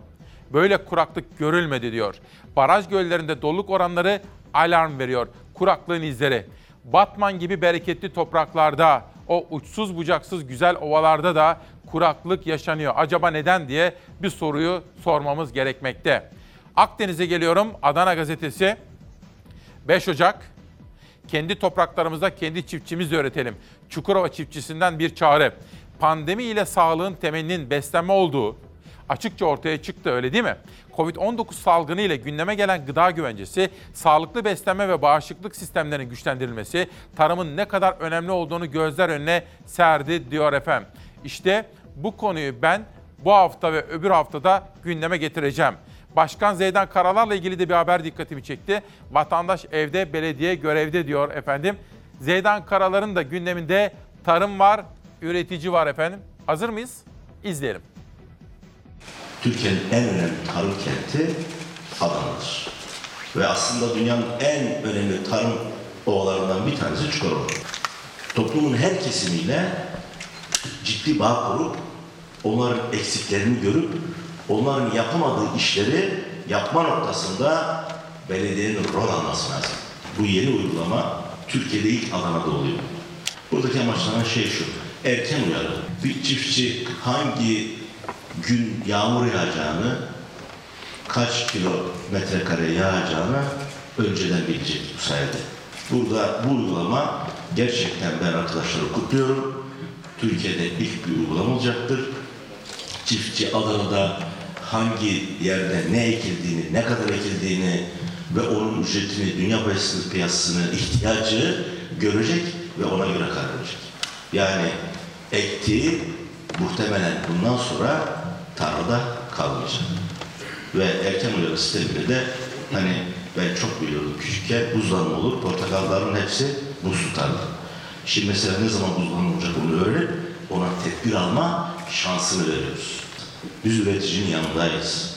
Biz dünyayı doyuran sizlerin daha çok yanında olmak mecburiyetinde olduğumuzu da biliyoruz. Mustafa Kemal Atatürk'ün izinde köylünün yine milletin efendisi olması noktasında üstümüze düşeni yapacağız. Adana'mıza ve bundan sonra bütün Türkiye bizi takip için bu sistemi kullanacağı için Türkiye'de hayırlı olsun diyorum. Hani sabah bugün 21 Aralık demiştim ya, bugün doğum günü kutlayan Gamze Kılıçalikaya, kardeşi Serhat da onu çok sever. Bizim Boşnak bir ailemizin kızıdır o. Milli voleybolcu. Gamze de bugün doğum günü kutluyor ve ayrıca bebek bekliyor. Onlara da hayırlısıyla diyelim. Onun dışında sabahta Cem kardeşim bugün 18 yaşına giriyor. Cem Ulusoy bugün 18 yaşına giriyor efendim. Ve Süreyya Üzmez bugün Milliyet'te yemek sektöründeki son durumu gözler önüne seren çarpıcı bir yazı kalemi almış Süreyya Üzmez. Ben de yarın bu konuyu gündeme taşıyacağım. Lokantacılar, restoran sahipleri, turizmciler zor durumda. Ne istiyorlar? Devletle görüşmeler yapıyorlar. Maliye Bakanlığı, Kültür Turizm Bakanlığı. Onların sesini yarın sizlere duyuracağım. Bu arada yargıdan güzel bir haber. Mimarlar Odası Ankara Şubesi Tarihi Bartın Meslek Lisesi'nin kültür varlığı olarak korunması için yargıya taşıdığı mahkeme bilirkişi raporu korunmalıdır dedi. Yine yargı bilirkişi raporu bu kez Ankara Çankaya'daki Bükreş Merkez Camii içinde korunmalıdır raporu verdi. Kültürel tarihi varlıklarımızı korumalıyız. İşte ben mahkemelerden böylesine çevre dostu, doğa dostu, kültürel ve manevi birikimimizi koruyan kararlar duymak istiyorum efendim. Dolayısıyla bu konuyu da takip edeceğim. Ankara Mimarlar Odası'na da teşekkür ediyorum ısrarlı takipleri için. Sırada Karar Gazetesi var. Bu tablonun tek ilacı erken seçim. Gelecek Partisi lideri Davutoğlu hükümete sert eleştiriler yöneltti. Sandığı işaret etti. Can yakıcı bir tablo var. Bu kadar yoksulluğun, hukuksuzluğun, çifte standardın olduğu, hükümete güvenin azaldığı dönemde erken seçim ilaç. Bir müddet sonra Erdoğan bu ilaca başvurmak zorunda kalabilir. Türkiye 2021'in ikinci yarısından itibaren seçim iklimine girer diyor. Sol cenahta solcular arasında bir tartışma var. CHP'yi eleştirmeye başladılar. Yani daha doğrusu eleştiriyorlar da. Bu kez şöyle bir konu var. Türk Gün Gazetesi'ni okumuştum. İrfan onu alabilir miyim? Bugün çok sayıda solcu, gazeteci, akademisyen, yazar Kılıçdaroğlu'nu eleştiriyorlar. Sizlerin görüşlerini merak ediyorum ben. Gelsin Türk Gün Gazetesi. Seval Hanım'la ilgili bir manşet. Heh. Seval Hanım artık yeter. Başbuğumuz Alparslan Türkeş'in kemiklerini sızlatacak CHP'li heyet başbuğumuzun anılarının olduğu evde ayakkabılarıyla dolaştılar diyor. Seval Türkeş başbuğumuzun ikinci eşidir. Seval Hanım ve oğlu Ahmet kutalmış el ele verdiler. MHP'ye zarar verebilmek adına sürekli ihtiraslar silsilesini takip ettiler. Her şey başbuğumuz Alparslan Türkeş'in vefatıyla başladı diyor ve eleştirilerini yöneltiyorlar. Şimdi fotoğrafta CHP lideri Kılıçdaroğlu var. CHP İl Başkanı var Canan Kaftancıoğlu ve İstanbul Belediye Başkanı var. Ekrem İmamoğlu, Seval Türkeş ile birlikte bir fotoğraf ve bir ziyaret. Bu tabii solcular da başka türlü eleştiriyorlar. Onlar da diyorlar ki tam da Maraş katliamının yıl dönümünde bu ziyaret nereden çıktı? Yargıya olan güven sarsıldı ve adalet duygusu sarsıldı. Hukuk ve adalet. Çünkü Türkeş onun için hukukun üstünlüğünü gündeminin daima birinci maddesinde tuttu. MHP'nin de bunu yapması lazım. MHP'nin kurucusu merhum Alparslan Türkeş'in eşi Seval Türkeş'in Kılıçdaroğlu'nu kabulüne, o görüşmede MHP'ye yönelik hukukun üstünlüğü hatırlatmasına Bahçeli'nin kurmaylarından tepkiler yükseldi. İp gibi dizilerek Alparslan Türkeş'in fikirlerinin ve Kutlu davasının önüne geçebileceğini zanneden Türk milliyetçilerinin hasımları yanılıyor. Alparslan Türkeş, Türk düşmanlarının aklanması için sehpanın üzerine emaneten yerleştirilmiş bir fotoğraftan çok daha fazlasıdır. Beni duygulandıran telefon Sayın Seval Türkeş'e ait. Aradı, büyük üzüntülerini dile getirdi. Bu partinin böyle bir pozisyona düşmesinin kendisi açısından da çok büyük bir rahatsızlık yarattığını ifade etti. Organize suç örgütü liderliğinden cezaevinde yatan Alaaddin Çakıcı'nın Kılıçdaroğlu'nu tehdit etmesine ve sonrasında MHP lideri Bahçeli'nin Çakıcı'ya sahip çıkmasına Alparslan Türkeş'in eşi Seval Türkeş de tepki göstermiş, CHP liderini arayıp geçmiş olsun dileklerini iletmişti. Kılıçdaroğlu o desteği nedeniyle Türkeş'e teşekkür ziyaretine gitti. İllegal yapı meydana gelmiş gibi görüyorum ben. Bu da tabii demokrasi açısından, devletin bütünlüğü, milletin selameti açısından fevkalade sıkıntılı bir süreç. Adalete olan e, güven duygusunu içselleştirirse hem siyaset Evet. hem ticaret o güven duygusunu sarsan ve yargıya talimat verip gereğini yaptıran kişiye dönük olumsuzluğu da büyütür. Dolayısıyla Evet. orada bir devlet krizi olur. CHP liderine ziyaretinde İstanbul Büyükşehir Belediye Başkanı Ekrem İmamoğlu, İl Başkanı Canan Kaftancıoğlu da eşlik etti. Sohbet adalet üzerineydi. Kur'an-ı Kerim'de de Allah kelimesinden sonra en çok geçen kelime adalet kelimesi. Öyle. Adalet yürüyüşümüz de önemli. Evet. Çalışmalarınızı, demokrasiye sahip çıkmanız, o konuda yaptığınız mücadeleniz takdire şayan. Bir de din üzerinden çok istismar var. Maşallah siyaseti günü gününe izliyorsunuz. Bu, bu ayrıca e, beni çok mutlu etti. Seval Türkeş CHP seçmeni biri olarak evinde CHP Genel Başkanı'nı, Belediye Başkanı'nı ve İl Başkanı'nı ağırlamış. Keşke biraz seçici olup CHP'nin PKK kanadını ağırlamasaydı. Bahçeli'nin danışmanlarından Yıldıray Çiçek de böyle tepki gösterdi Seval Türkeş'e. Kılıçdaroğlu ve kurmaylarını kabulünden dolayı. Bahçeli ise sessiz. Şimdi bu konu önemli. Görüşlerinizi merak ediyorum. Bu arada Sevim Diker annemiz de bugün doğum günü kutluyor 21 Aralık'ta. Şimdi burada Osman diyor ki abi diyor kahvaltı masasında seni izliyoruz diyor. Evdeki tartışma şu. Solcular eleştiriyorlar dedin. Sen de eleştirdin ama sen solcu değil misin diye soruyor. Yani vurgulamamdan böyle bir sonuç çıkmış. Osman kardeşime ve ev ailesine teşekkür ediyorum. Ben solcu değilim efendim. Yok hayır. Ben kendimi solcu veya sağcı diye tanımlamıyorum.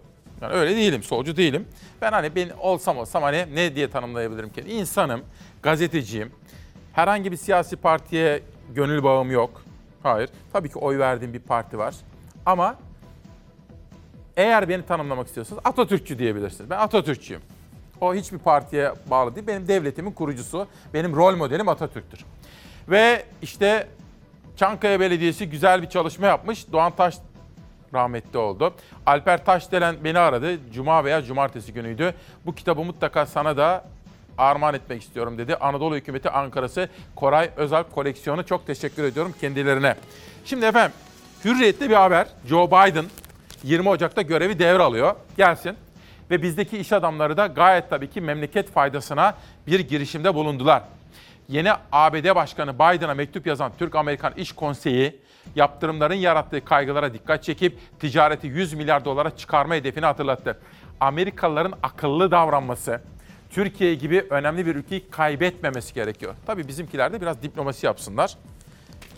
Diplomasi yapmak gerekiyor. Ülkemizin çıkarlarını koruyacağız. Aynı olay ve sözler Jale Özgen Türk'te ikili komisyon kurulsun. Mehmet Ali Yalçındağ'ın yazdığı mektup tabii Türk iş adamları. Ali Koç'un da burada bir mesajı vardı hafta sonunda o da dikkatimi çekti. İş adamları gayet tabii ki akıllı, stratejik davranıyorlar. Aynı şekilde Serpil Yılmaz da bakın Biden'a iş dünyasından giden mektup sizinle çalışmak için sabırsızlanıyoruz şeklinde. Hatta sabah erken saatlerde okudum. Dilek Güngör de sabahta Biden'a kazan kazan mektubu. Hani buna win-win derler efendim. Yani bir oyun oynadığınız zaman iki tarafında kaybettiği oyun bir aptallık oyunudur. İki taraftan birinin kazandığı oyun sürdürülebilir değildir. Win-win yani kazan kazan dedikleri oyun işte böyle. Ticaret yapalım ve yatırımlar artsın, istihdamlar artsın şeklinde bir yaklaşımı desteklemek ve kabul ettirmek gerekiyor diyorum. Şimdi Hürriyet'ten bir sonraki gazete gelsin. Türk Günü okuduk. Bir güne geleceğiz ama bir habere gidelim. Ama tweetlerim vardı onun için İrfan. O zaman tweetleri ver. Tabii boğazım kurudu biraz. İzin verir misiniz efendim? Günaydın. Nasılsınız? İyi misiniz? Şimdi tabii konuşunca... Ha bu arada şunu söyleyeyim. Artık programımız 11'e kadar devam edecek. Uzattık birazcık daha. Dün Doğan Şentürk'le uzun uzun hafta sonunda da konuşmuştuk. Pandemi döneminde biraz daha geç uyanıyorsunuz. Çok pek çoklarınız yazlıklarda. Biz de sizlere haberlerimizi daha fazla vermek istiyoruz.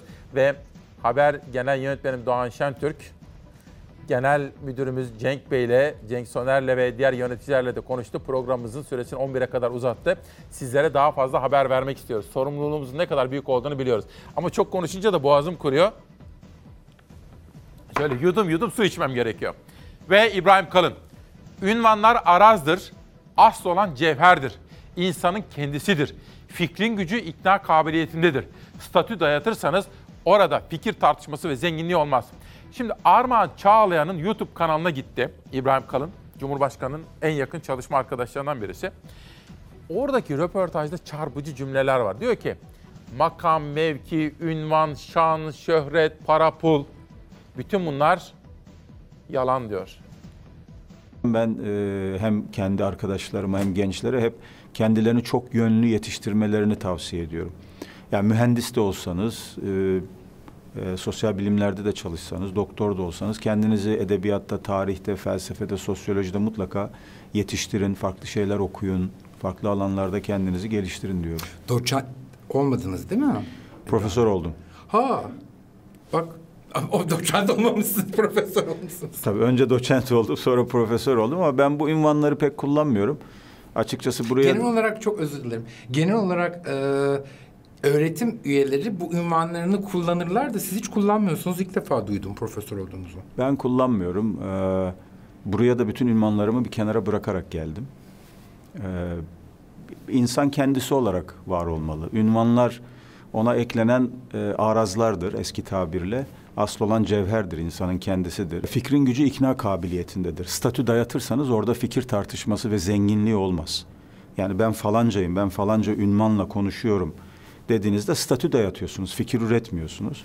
O bana hep çok e, yabancılaştırıcı bir şey gibi geldi. E, onun yerine iki insan olarak konuşuyoruz. Ünvanlardan, statülerden bağımsız olarak. Ve sizin fikrinizin ikna gücü varsa, beni ikna edebiliyorsa o fikir benim için kıymetlidir. Statünüzden bağımsız olarak söylüyorum. Şimdi lokantacılar şunu istiyorlar. İbrahim Kalın'ın sözlerinden başka detaylar da var aslında. Zaman zaman bahsedeceğim notlar aldım. Şimdi mesela geçen yılla bu sene arasında lokantacıların, restoranların, turizm işletmelerinin ciro kaybı var. Maliye Bakanlığı'yla da konuşuyorlar. Tabii bu yeni yönetim zamanında böyle bol keseden vermeyecekler. Borçlanma da olmayacak. Çünkü biraz sıkı politikaya başlamışız. Lütfü Elvan yönetiminde, Naci Abal yönetimi. Bence doğru yapıyorlar. Ama yine de turizm sektörüyle ilgili ve restoranlarla ilgili bazı düzenlemelere gidilebilir.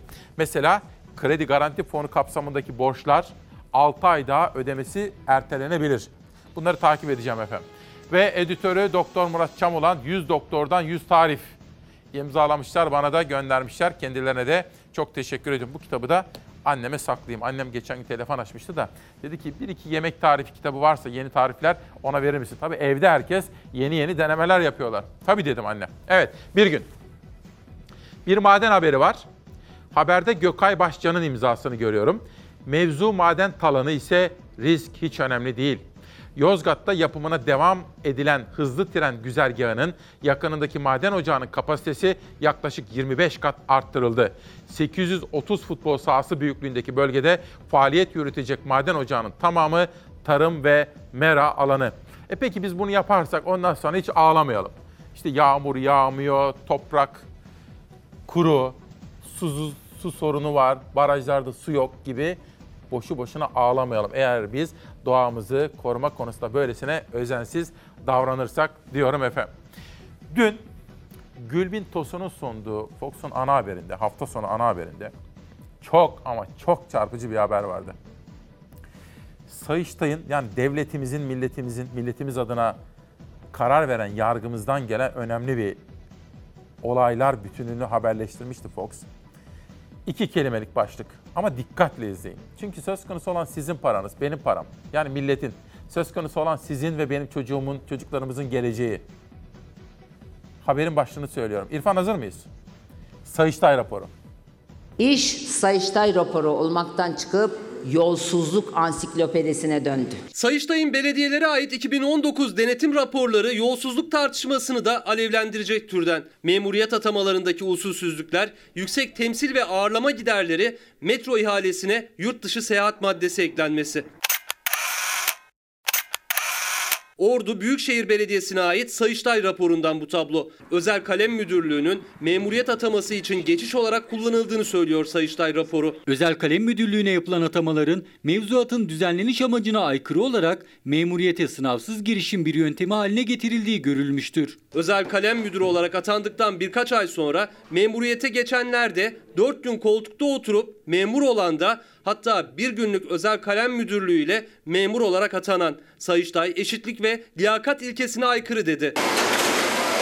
Türkiye'nin en borçlu belediyesi olarak biliniyor Kocaeli Büyükşehir Belediyesi. Sayıştay denetçileri mevzuata aykırı şekilde AK Partili Başiskele ve Gebze ilçe belediyelerine borç verildiğini tespit etti.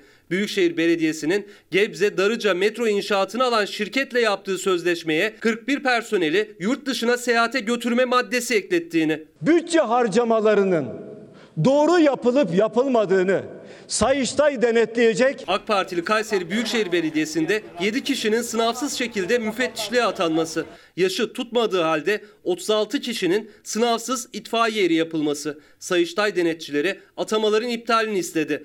Belediyenin 35 milyon liralık asfalt kaplama işini alan firmaya 9.1 milyonluk fiyat farkı ödemesi de Sayıştay raporuna girdi.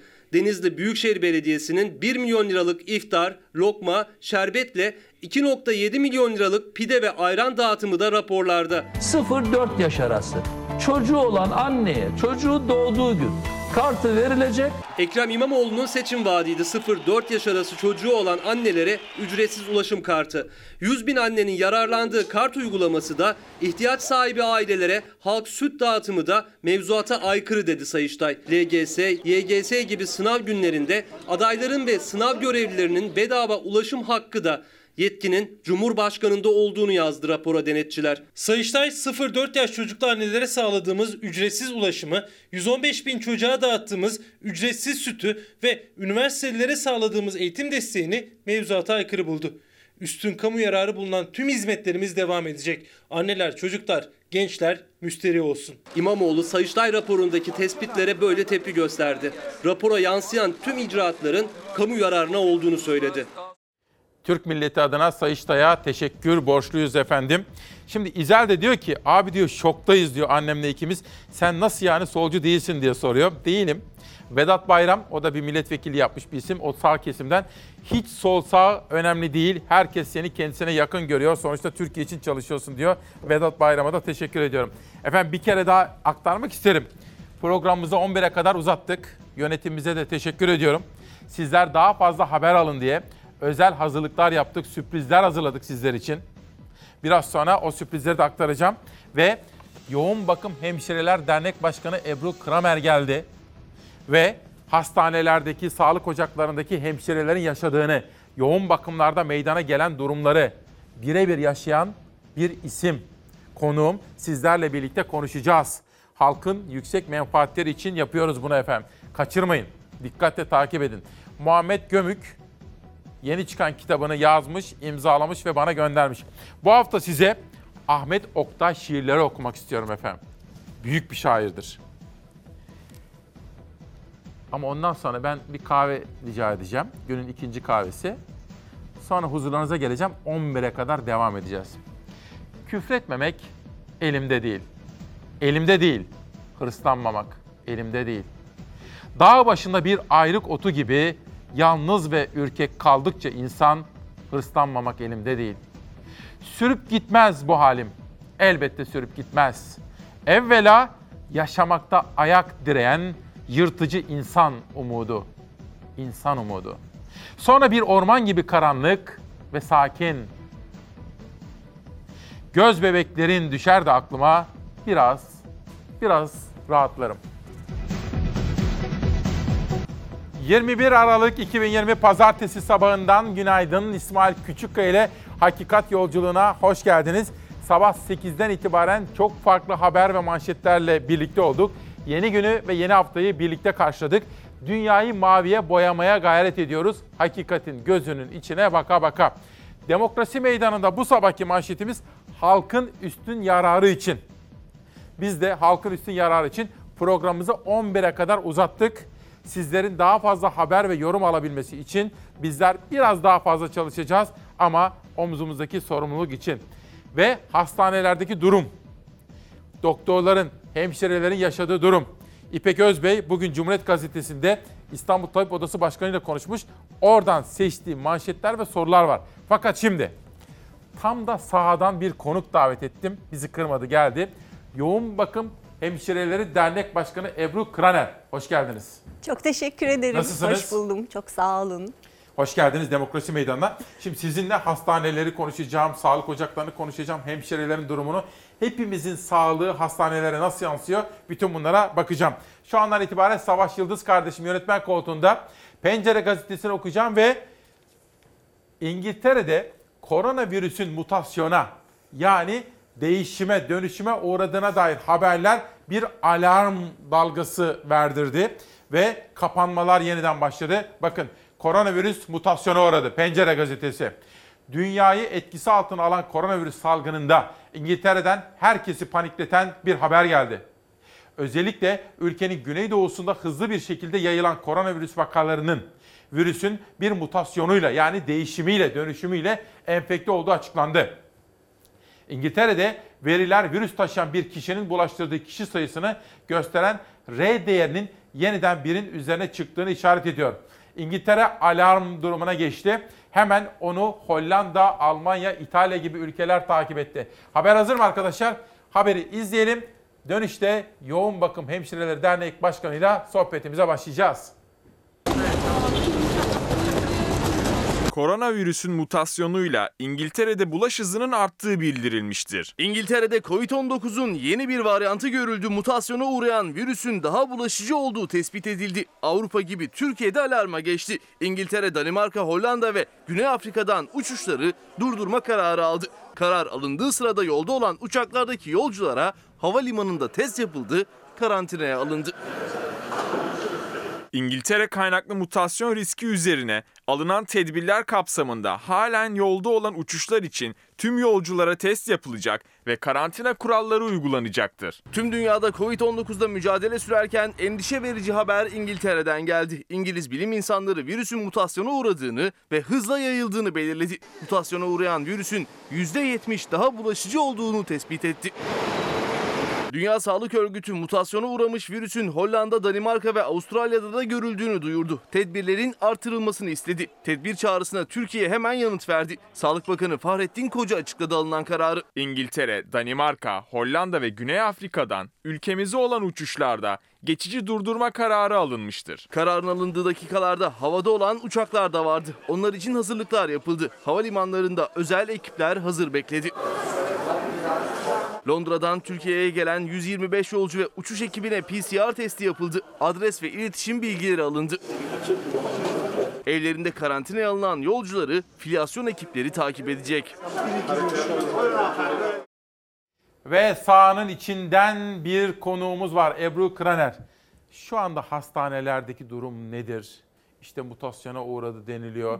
Yorulduk. Hemşireler olarak yorulduk, doktorlar olarak, sağlık çalışanları, halkımız da yoruldu aslında. Bir anlatır mısınız? Gözlemleriniz neler? Ee, hastanelerdeki durum e, geçen hafta bir miktar e, alınan tedbirlerin etkisini görmeye başladık.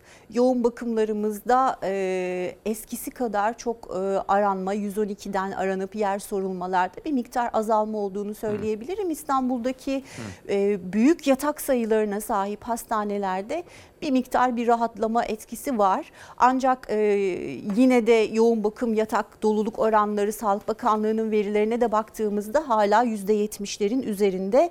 Dolayısıyla da maske, mesafe ve hijyen kurallarını e, henüz vazgeçemeyiz. Çok dikkatli bir şekilde bu kurallara uymamız gerekiyor. Hastanelerde e, durum tabii e, ben hemşire gözlemlerimi paylaşabilirim sizlerle. Ee, sürecin en başından beri yoğun bakımlarda hastalarımız da hasta yakınlarımız da çok zor günler geçirdiler. Özellikle e, Covid-19 pandemisinde yoğun bakımlarda e, ziyaretçi kısıtlaması olduğu için hastalar e, korkularıyla, endişeleriyle çünkü yoğun bakım başlı başına ne yazık ki ölümü çağrıştıran ve bu nedenle bir kaygı ve endişeye neden olan bir kavram. Ama e, şanslıydılar. Çünkü e, yoğun bakım hemşireleri e, güven verdiler, onları dinlediler, e, inanç ve umut aşıladılar. Dolayısıyla çok önemli bir iş başarıldı diye düşünüyorum. Sürecin en başından beri e, yoğun bakımları çok konuştuk. Yoğun şey bakımlarla ilgili buyurun. Yoğun bakım ne demek? Yoğun bakım ne demek? Yoğun bakım aslında kritik hastaların özellikle de Covid ile ilgili söylersek olası çoklu organ yetmezliği gelişebilecek olan hastaların sürekli ve kesintisiz olarak izlendikleri, bütün tedavilerinin yapıldığı ve e, bütün günlük yaşam aktivitelerini o yatakta hemşireler tarafından gerçekleştirilen çok özel üniteler. Ve yoğun bakım için şunu söylemeliyiz, bu bizim gurur kaynağımız aslında. Yoğun bakım felsefesinin temeli bu topraklarda atıldı İsmail Bey. Anadolu'da. Sevgili Florence Nightingale tarafından e, onun ortaya koyduğu bir takım tespitler üzerine inşa edildi yoğun bakımlar. Ve 1960'lardan sonra da ülkemizde sayıları hızlıca arttı. Biz şu anda dünyada yoğun bakım yatağı sayı olarak baktığınızda çok özel, çok iyi bir yerdeyiz. Ancak ne yazık ki e, bunu e, dilim döndüğünce hep vurgulamaya çalışıyorum. Yoğun bakım demek çok pahalı ekipman, çok pahalı, çok lüks, harika yataklar demek değil. Yoğun bakım ekiple var olan bir alan. Dolayısıyla da yoğun bakım hemşirelerinin çok özel deneyimleri, çok özel becerileri ve özel eğitimleri var. E, Bunu da özellikle vurgulamak Şimdi gerekir. bundan iki hafta kadar önce bizi her sabah eşiyle birlikte bütün ailesiyle izleyen Adanalı Bilici ailesinden Hı hı.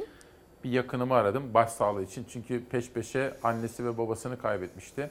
İsmail dedi en acısı ne biliyor musun dedi. Annem yoğun bakımda orada.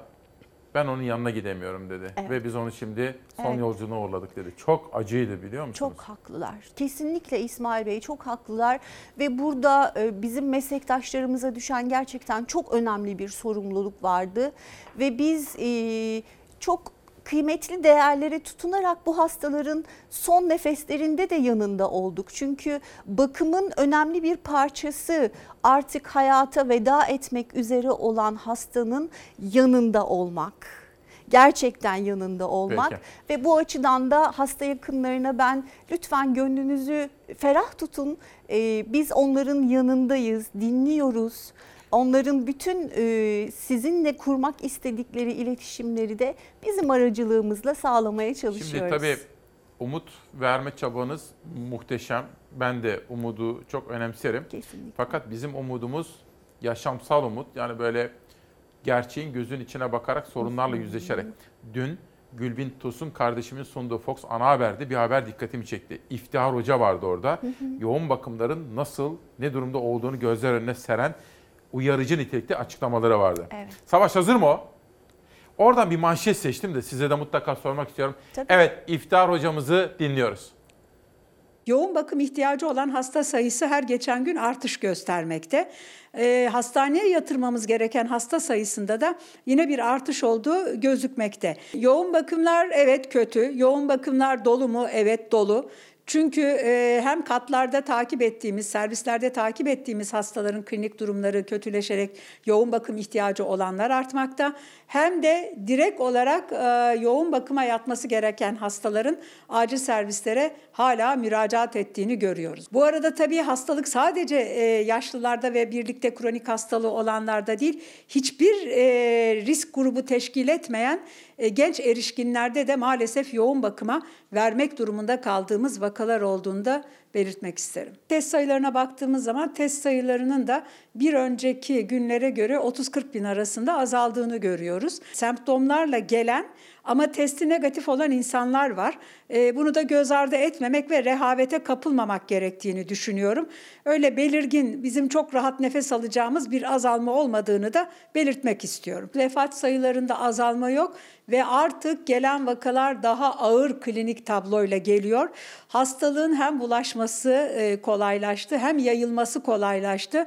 Muhtemelen e, biraz daha klinik tabloyu da ağırlaştırır.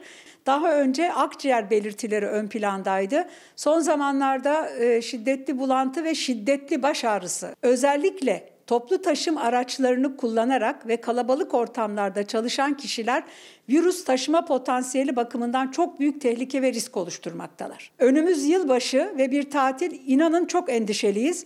Ee, burada aileler bir araya gelip de birbirlerini infekte ederlerse bizim bu hani azalıyor e, ya da azaldığını ifade ettiğimiz şeylerin tamamen terse dönebileceğini düşünüyorum. Çok kritik bir dönemden geçiyoruz. Çok dikkatli olmamız ve asla taviz vermememiz lazım. İftihar hocamız çok net ve açık halkın üstün yararı için uyarılarda bulunuyor. Yoğun Bakım Hemşireleri Dernek Başkanı Ebru Kraner'e soralım. Ne diyorsunuz? Ee, değerli hocamızın yoğun bakımlarda durum kötü saptamasına kesinlikle şu açıdan katılıyorum. Bizler yoğun bakım yatak sayılarının e, çok hızlı arttığı bir dönem yaşadık Ekim ayında. Dolayısıyla da bu kadar hızlı artan yatak sayısına yetişebilmek için yoğun bakım hemşirelerini diğer servislerden çekilmiş olan örneğin ameliyathane hemşiresi, örneğin serviste çalışan hemşirelerle desteklemek zorunda kaldık ki bu yataklara bakacak hemşire olsun diye. Burada çok önemli sıkıntılar var İsmail Bey. Çünkü yoğun bakım hemşireliği özel beceri, deneyim ve özel eğitim isteyen bir alan. Dışarıdan e, yerleştirilen bu arkadaşlarımızın birebir hemşirelik bakımını e, kendi sorumluluklarında gerçekleştirmeleri mümkün değildi. Durum kötü saptamasına bu açıdan katılıyorum. Hasta güvenliği açısından oldukça riskli bir durum olduğu için katılıyorum. E, evet sayılar yüksek, sayılar düşecek ama bir an önce e, bu sayıların düşmesi gerekiyor ki deneyimli olan yoğun bakım hemşireleri gerçekten bütün hastalara bakım vermek üzere çok yoruldular, çok yıprandılar. Şimdi şöyle düşünüyorum. Ben sizi dinlerken kız kardeşim aklıma geldi. Benim kız kardeşim Serpil Küçükkaya Köknar'da işte biraz önce bahsettiğiniz okulda hemşirelik okudu. Hı hı. Hemşirelik yaptı uzun yıllar. Sonra Amerika'ya gitti. Orada da eğitimlerini aldı. Yine devam ediyor. Orada hı hı. araştırma bölümlerinde de bu görevi yerine getiriyor. Şimdi ben hemşireyim. 2020 yılı Mart'ından itibaren de görev yapıyorum yine. Devam ediyorum görevime. Ve pandemi geldi ve yoğun bakımda görev yapıyorum. Ben ne yaşıyorum? Aslında çok zor süreçler yaşadılar. Pandeminin başında korkunç bir bilinmezlik vardı. Hepimizin kafasında ciddi soru işaretleri vardı. Her zaman yaptığınız, rutin olarak yaptığınız işleri şimdi pandemi döneminde nasıl yapacağızın soru işaretleri vardı. Ve ne yazık ki biz bu pandemi dönemine çok e, yoğun bakım hemşiresi sayısı olarak çok kötü bir şekilde yakalandık. E, sayımız yetersizdi ve hızla artan yoğun bakım yatakları söz konusuydu. Hemşirelerin kafasında ve hissettiklerinde en önemli nokta nasıl yetişeceğiz? Yani ben eşit ve adaletli bir bakım vermek istiyorum. Bir takım e, değerlerimle o kişilerin yanında olmak istiyorum ama bu kadar çok yatağa hemşireler nasıl yetişecekler? Hmm. Ya gözümden bir şey kaçarsa ya benim dikkatimden bir şey kaçarsa endişesi gerçekten hmm. çok yoğundu. Bunun haricinde o dönemleri hatırlarsanız evlerimize gidemedik. Ee, uzunca bir süre Haziran ayına kadar neredeyse çeşitli yurtlarda bir takım e, konuk evlerinde kaldık ama baktık ki ki süreç uzuyor. Haziranda da bu bitmedi. Biz yaz aylarında da Covid hastalarına bakmaya devam ettik ve çalışanlar bir bir evlerine döndüler. Eve döndük ama izolasyon devam etti. Eve gittiğimiz zaman yine maskeyle yaşamımızı sürdürdük ve bazen çocuklarımız sordular. Anne gülümsediğini görmüyorum artık. Bazen mutlu olduğunda gülümsüyor musun? Ben göremiyorum maskenin altından. Aynı sofrada oturup yemek yiyemedik ailelerimizle. Çünkü maskeyi indirmem gerekiyordu. Dolayısıyla da evet çok zor süreçlerdi İsmail Bey ama aynı zamanda da aslında hemşireleri çok güçlendiren de bir süreçti bu. Fakat bir şey dikkatimi çekti. Söylememe izin verir misiniz? Lütfen. Siz şimdi nasıl konuşuyorsunuz biliyor musunuz? Ben sizi böyle böyle hayran hayran izliyorum ya. Sanki işte 3-4 yıl daha geçmiş, pandemi bitmiş gibi konuşuyorsunuz. Bitti mi bütün bu süreç?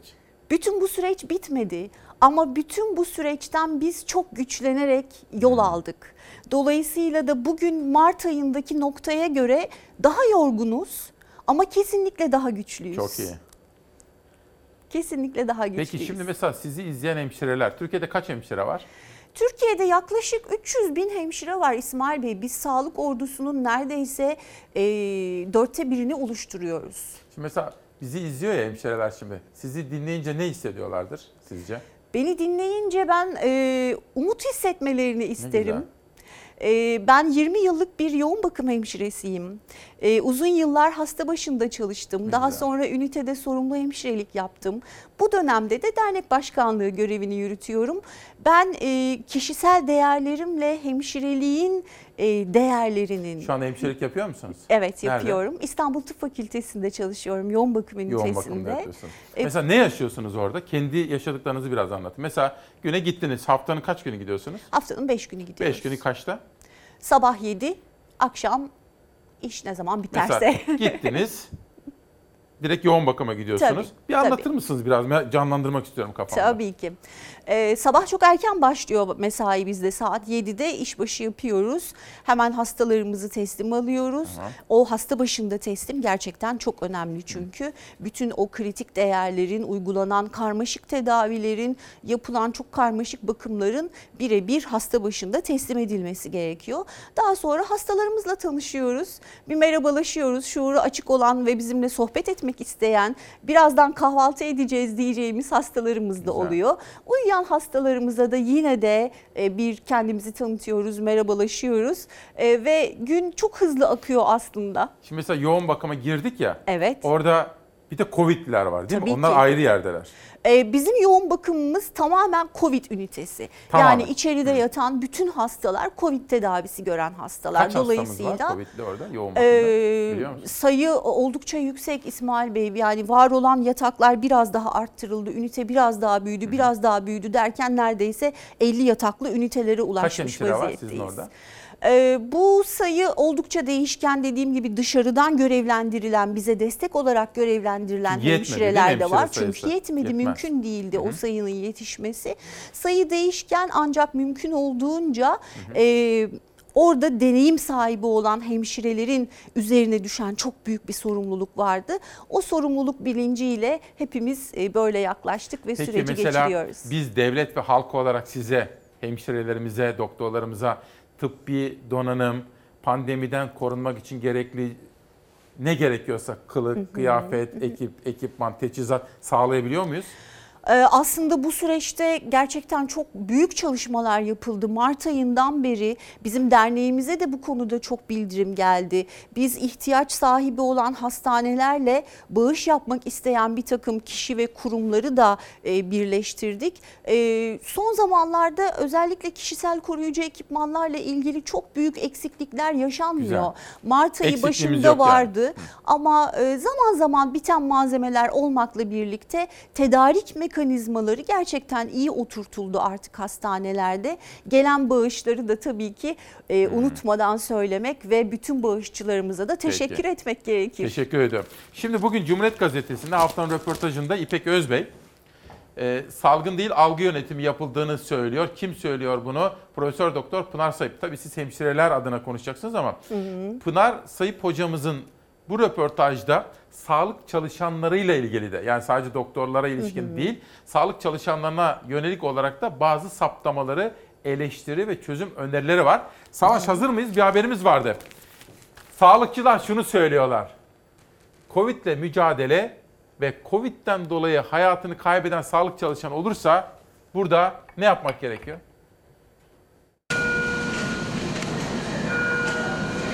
Sağlık Bakanlığı'nın bir genelgesi yayınlandı. Cumhurbaşkanı'nın bu konuda e, bir e, meslek hastalığı sayılacak, e, gerekli çalışmalar yapılacak açıklamasının üzerine meslek hastalığı statülerinin hızla sonuçlandırılması sağlanacaktır. sanki bizim beklentilerimizi karşılayan bir e, genelge yayınlandı gibi anlaşıldı. Sadece başvuruyu nasıl yapılacağını belirten önerge aslında. Aylardır canla başla çalışan sağlık çalışanları koronavirüsün meslek hastalığı sayılmasını istiyor. Cumhurbaşkanı Erdoğan da ilgili bakanlara talimat verdiğini duyurmuştu. Sağlık Bakanlığı sonunda bir genelge yayımladı. Ancak tabip odalarına göre mevcut uygulamanın hatırlatılmasından öteye geçemedi. Aslında meslek hastalığı sayıp saymama konusu Sosyal Güvenlik Kurumu'nun yetkisinde olan bir durum. Sorunu çözen bir genelge değil. Burada böyle bir kanuna ihtiyaç yok. Vazife malulü diye bir durum var. Çalışma Bakanı Zehra Zümrüt Selçuk kanuna ihtiyaç yok demişti ama İstanbul Tabip Odası Genel Sekreteri Profesör Doktor Osman Küçük Osmanoğlu'na göre yasa olmadan sorunlar çözülemeyecek. Çünkü mevcut prosedürde illiyet bağı isteniyor. Şöyle açıklayabilirim size. Yani siz mesela bir e, COVID-19'a bağlı bir nedenle yaşamını yitiren bir sağlık çalışanının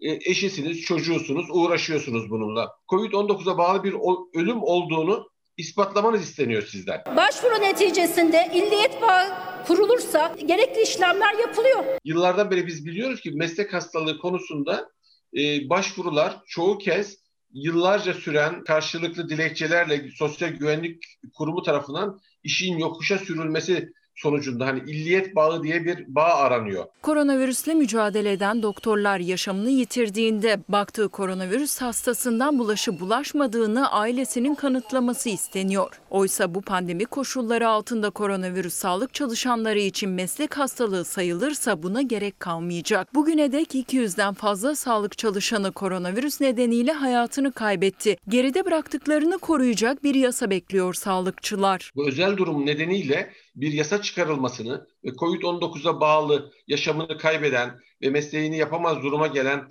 sağlık çalışanlar, sadece hekimler içinde değil, taşerona bağlı çalışanlar, memurlar, sözleşmeli çalışanlar, kayıt memurundan temizlik işçisine, e, ambulans şoföründen acil tıp teknisyenine Ve bugünkü röportajdan bir cümle okuyacağım. Sonra Yoğun Bakım Hemşireleri Dernek Başkanı Ebru Kraner'e soracağım. Şimdi kaç sağlık çalışanını yitirdik diye bir soru soruyor İpek Özbey. Tabip Odası Başkanı. O da diyor ki kaybettiğimiz hekim sayısı 100'e yaklaşıyor. Aktif çalışan 94 hekim maalesef yaşamını kaybetti. Hekimler dışında 150'ye yakın sağlık çalışanı da yaşamını kaybettiğini biliyoruz. Sağlık Bakanlığı'nın açıkladığı rakama göre 120 bin sağlık çalışanı Covid'e yakalandı diyor.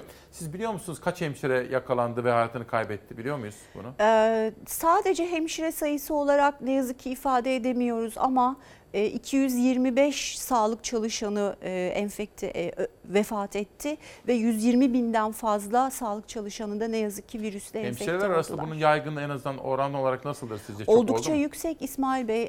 En son e, yayınlanan haberlerde de son birkaç günde bile iki, iki meslektaşımızı kaybettik. Bunun dışında ambulans şoförleri var, tıbbi sekreterler var, röntgen teknisyenleri var maalesef.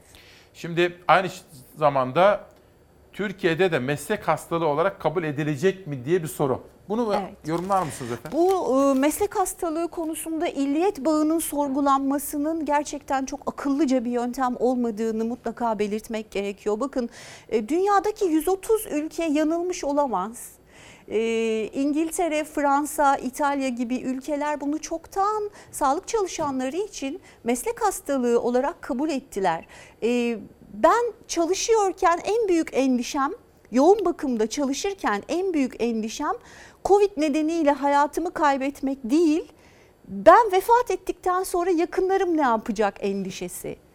Sağlık çalışanları bugün öyle bir noktadalar ki aslında meslek hastalığı olarak ilan edilsin ve ben hayatımı kaybedersem benim yakınlarım en azından bir tazminat hakkına ve bir maaş hakkına sahip olsunlar istiyoruz. Dolayısıyla da e, az önce belirttiğim gibi dünyadaki pek çok örneğinde olduğu gibi ülkemizde de bir an evvel e, Covid-19'a yakalanan sağlık çalışanları için meslek hastalığı e, tanımının yasalaşması gerekiyor. Özel bir şey soracağım ama Tabii, siz buyurun. evli misiniz efendim? Ben evliyim, iki tane kızım var. Allah bağışlasın. Peki siz mesela sabah hastaneye giderken falan tabii hastaneler çok riskli ya. O çocuklar Tabii. için hiç kaygılanıyor musunuz? Çok. Ee, bu dönemde hemşirelerin en önemli kaygılarından bir tanesi de bu oldu tabii ki. Yakınlarımıza e, biz enfekte olursak yakınlarımıza da bulaştırırız endişesi. E, pek çok çocuğu olan sağlık çalışanı ne yazık ki hastanelerde kreş olmadığı için e, ve biz e, ne yazık ki yoksulluk sınırında bir maaş aldığımız için Hemşireler öyle mi alıyor? Evet Yoksulluk aynen öyle. mı? Yoksulluk sınırında bir maaş alıyor hemşireler. Hatta Ne kadar alıyor? e, özel sektörde çalışanlar askeri ücretle çalışıyorlar İsmail Bey. Dolayısıyla da bakıcı tutma şansım yok benim Kreş bu yok, aldığım mi? ücretle. Hastanede kreş yok. Hastanelerin çoğu hastanenin kreşi yok. Ne yapıyoruz? Anneanneler ve babaanneler burada devreye giriyor. Çocuklarımızın e, bakım sorumluluğunu ne yazık ki onlarla paylaşmaya devam ediyoruz. Peki meslek hastalığı sayılsa ve Allah göstermesin ama size bir şey olsa ne olur bunun sonucunda? Meslek hastalığı Bu- sayılırsa? Bunun sonucunda ailem bir tazminat hakkına kavuşur ve ben vefat ettikten sonra geride kalanlara bir maaş bağlanır. Bu da en azından. doğal hakkınız değil mi? Bu da en doğal hakkımız diye için. düşünüyorum. Hı? Evet. En azından bunu yapabiliriz onlar için. Katılıyorum. Şimdi Gaziantep'e gidelim. Yoğun Bakım Hemşireleri Dernek Başkanı Ebru Kraner, İsmail Küçükkaya Demokrasi Meydanı'nda halkın üstün yararı için diyoruz. Erken kuşakta farklı illerimizden manşetleri sunmuştuk. Hafta sonunda Gaziantep'le ağladık. Yas tutmaktayız. Yastayız diyor Oluşum Gazetesi. Türkiye'nin en donanımlı hastanelerinden biri olan, yurt içinden ve dışından da çok sayıda insana şifa alan Özel Sani Konukolu Hastanesi'nin yoğun bakım servisinde yüksek akım oksijen cihazından kaynaklı çıkan yangında 20 kişilik yoğun bakım ünitesinde tedavi gören 19 hastadan 11'ini kaybettik diyor. Sağlık Bakanı da hemen olay yerine gitti. Beraberinde Antepli yine Adalet Bakanı Abdülhamit Gül de var. Çok sayıda yetkili milletvekili ve Büyükşehir Belediye Başkanı Fatma Şahin de var. Cumhurbaşkanı Erdoğan da bir taziye mesajı yayınladı. Bunun haberi vardı. Hazır mı? İzleyelim.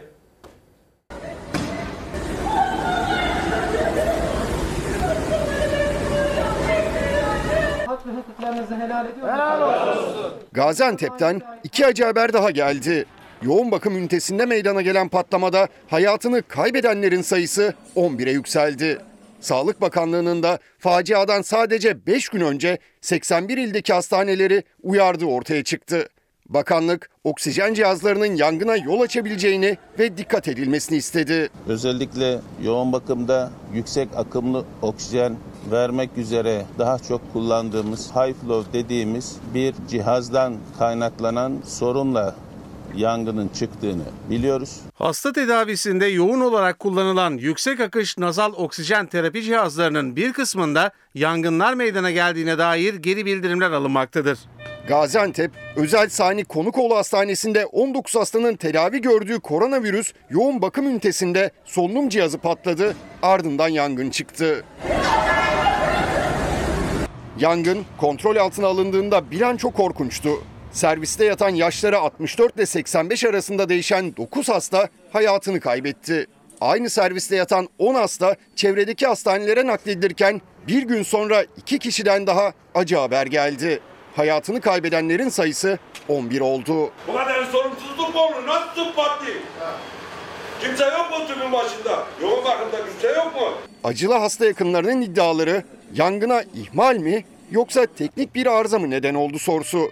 7 kişilik bilirkişi heyetinin incelemeleri tamamlandı. Soruşturmayı yürüten iki savcı da onlarca kişinin ifadesine başvurdu. Tüm sorular soruşturmanın sonunda yanıt bulacak.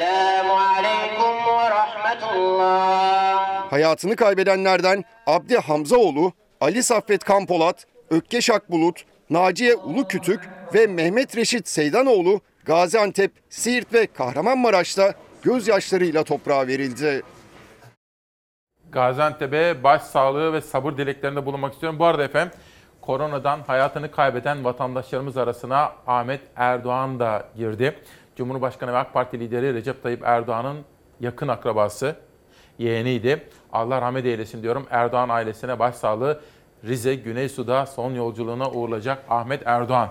Şimdi bunu bir yorumlar mısınız efendim? Siz de yoğun bakım hemşiresisiniz ve dernek başkanısınız. Bu nasıl olabiliyor? Öncelikle hayatını kaybedenler için başsağlığı diliyorum. Gerçekten çok acı bir durum. İsmail Bey az önce konuşmalarımızda da vurguladık. Bu dönemde en büyük risk hasta güvenliği açısından ortaya çıkan risk dedik. Bakın bu örnek aslında çok güzel açıklıyor. Ne yazık ki çok acı bir örnek. Bu Etkili yüksek açıklıyor. akım evet maalesef yüksek akım oksijen cihazları yüksek ısıyla ve basınçla çalışan cihazlar.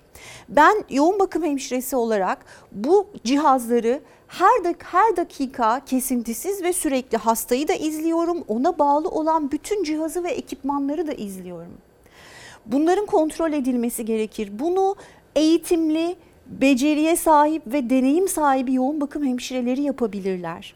Diğer bir taraftan işin biyomedikal boyutu da var. Hı hı. Neticede ben hemşireyim. Cihazın çalışma kurallarını ve bazı alarmlarını bilebilirim. Tabii. Ama diğer bir taraftan her hastanede Teknik çünkü, teknik her cihaz bu. evet yoğun bakımda Hmm. olması gereken bir biyomedikal mühendisinin olması Yok mu? gerekir.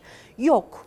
Maalesef henüz yok. Hastanelerde bir biyomedikal ünitesi çok var ve e, bozulan ya da alarm veren ya da kalibrasyonlarında sıkıntı olan cihazlarda biyomedikal bize destek verir.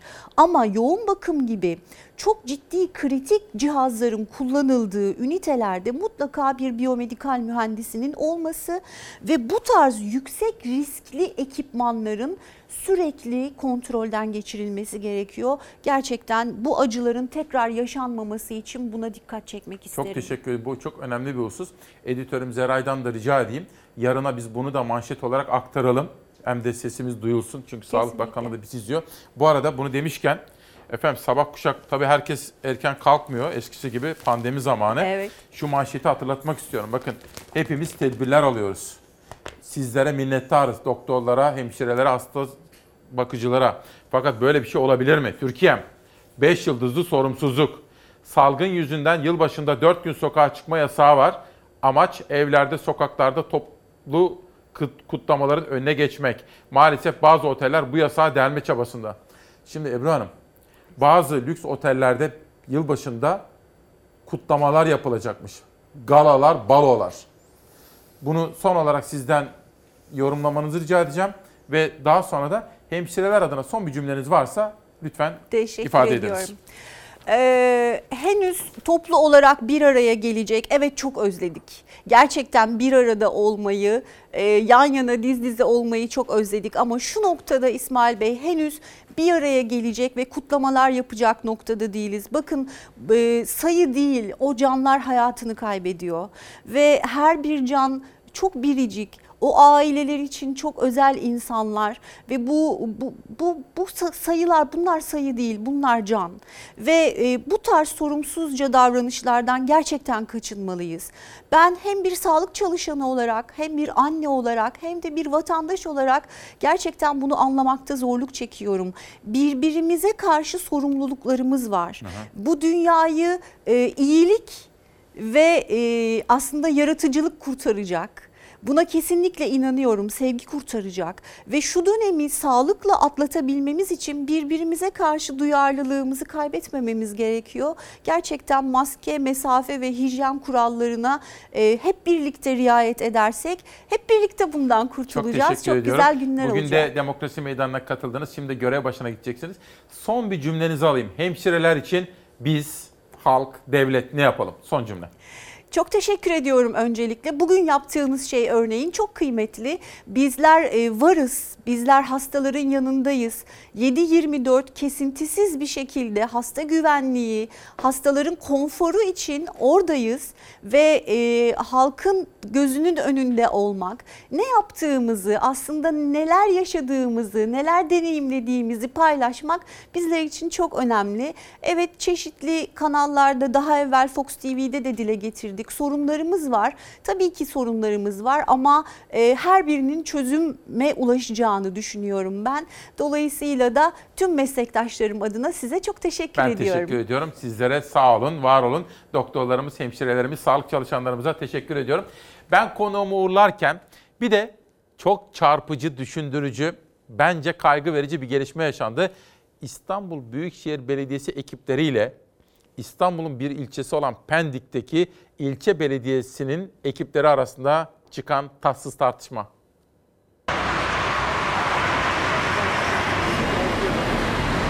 Pendik Belediyesi İstanbul Büyükşehir Belediyesi'nin yetki alanındaki bölgeye izinsiz kabin koydu. İBB ekipleri kabini kaldırmak için gelince Pendik Belediyesi zabıta araçlarıyla yol kesti. Gerginliği polis çözebildi. Pendik Belediyesi D100 karayolunun hemen bitişiğindeki Tevfik İleri Caddesi'ne mobil kabini yerleştirdi. Vatandaşların ifadesine göre o kabin tuvalet olarak kullanılacaktı. Pendik Belediyesi'nin kurmuş olduğu tuvaleti İstanbul Büyükşehir Belediyesi kaldırıyor. Pendik Belediyesi kabini yerleştirdi ancak kabinin konulduğu bölge İstanbul Büyükşehir Belediyesi'nin yetki alanındaydı. Pendik Belediyesi İBB'den izin almamıştı. İhlali tespit eden Büyükşehir Belediyesi ekipleri o kabini kaldırmak için harekete geçti. İstanbul Büyükşehir Belediye ekiplerinin geldiğini gören Pendik Belediyesi ekipleri zabıta araçlarıyla Büyükşehir ekiplerine ait araçların yolunu kesti. Kabini kaldırmalarını engellemek istedi. Büyükşehir Belediye ekipleriyle ilçe belediye ekiplerinin gerginliğini polis çözdü. Polis Pendik Belediyesi'ne ait araçları yoldan çektirdi. Kabinde İBB yetkisindeki bölgeden kaldırıldı. Pendik Belediyesi'nin yetkisindeki bir bölgeye konuldu. Şimdi bugün 11'e kadar yayın yapacağız ya. Şöyle bir son 5 dakikada biraz günü yorumlamak istiyorum sizlerle. Son 5 dakikada böyle 10.55 civarında filan.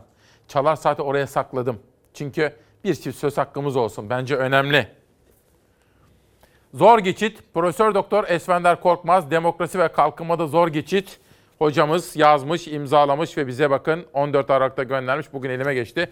Teşekkür ediyorum kendilerine. Sözcü gazetesinden bir haber.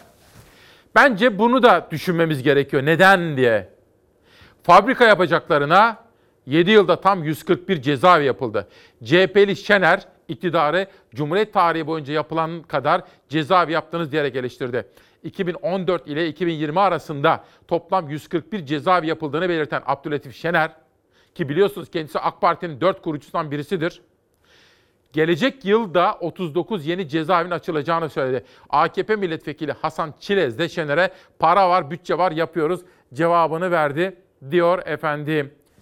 Şimdi sıradaki haberi izlerken sırada bir davet haberi var, bir yemek haberi külliyeden. Lütfen düşünün olur mu? Hani Işıl Hoca ne diyordu bize? Alzheimer Dernek Başkanı. Sabahları sizi izlemek, sizinle birlikte güne başlamak ve sizinle birlikte zihin jimnastiği yapmak da yani soru sormak, düşünmek de, eleştirmek de bizleri Alzheimer'dan korur diyordu ya. Sıradaki haberi izlerken bu cezaevi yapım haberini de kafanızda tartın lütfen. Sarayda dip dibe yemek serbest, esnafa vatandaşa yasak. Saray et yesin vatandaş taş yesin anlayışı. AKP koronavirüsten daha tehlikelidir. Bu diplomatik kural dünyanın hiçbir yerinde şu anda böyle büyük şatafatlı sofralar kurulmuyor. Millete kuru ekmek yeter derken şatafatlı sofralarda yedikleri önlerinde yemediklerini döken ve bir de bunun görüntülerini yayınlayanlara yuh olsun. Biri yer biri bakar. Kıyamet ondan kopar. Cumhurbaşkanı Erdoğan'ın Irak Başbakanı için Beştepe'de canlı müzik eşliğinde verdiği akşam yemeği. Muhalefetin millet aç, sarayda şatafat tepkisi. Geçtiğimiz hafta mecliste başladı saray mutfağı tartışması. Orman meyveli spesiyal, bahçe naneli limonata içermiş, tartalet içerisinde humus. Afiyet olsun. Ye babam ye. Millet aç, sarayda bunları yiyor. Emin olun burada saydığınız yiyeceklerin bir kısmının ismini bile Sayın Cumhurbaşkanımız bilmez. Cumhuriyet resepsiyonları olur, yabancı misafirler ağırlarsınız. Burada insanlara bir takım ikramlar yaparsınız. Mecliste CHP ile AK Parti arasında yaşanan tartışmadan birkaç gün sonra Cumhurbaşkanı Erdoğan Erdoğan'ın Irak Başbakanı onuruna verdiği yemeğin görüntüleri sosyal medyaya düştü. O davette yer alan bir kişinin cep telefonuyla kaydettiği görüntüler. Türkiye Büyük Millet Meclisi'nde saray sofrası ve şatafatını anlattığım günün akşamında saraydaki eğlence ve şatafat. Ama sanatçı bölümünü eksik söylemişim. Millet kuru ekmeğe muhtaç, saraydaysa zevki sefa. Yiyin efendiler, yiyin.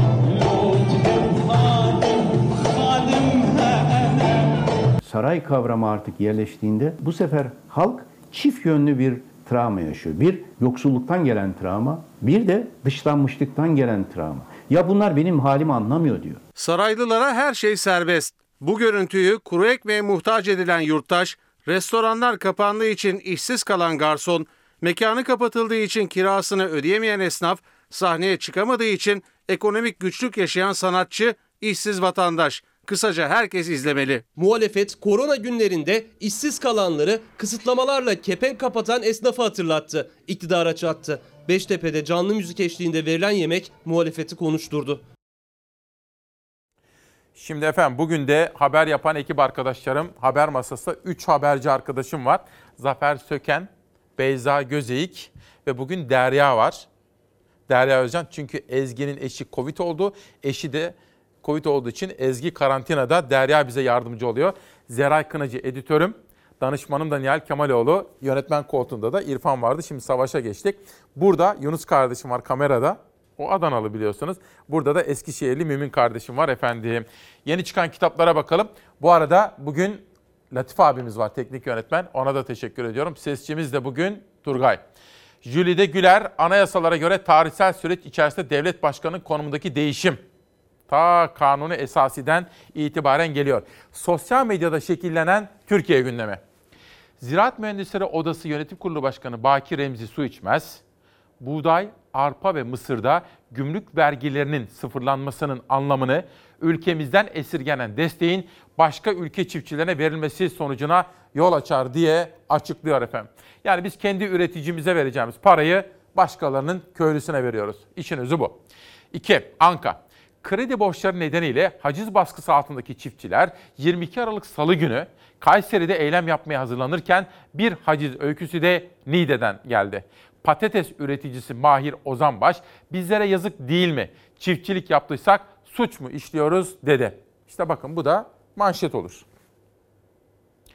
Nezih Onur Kuru, Sayıştay İBB'nin 3 sosyal politik uygulamasını usulsüz buldu.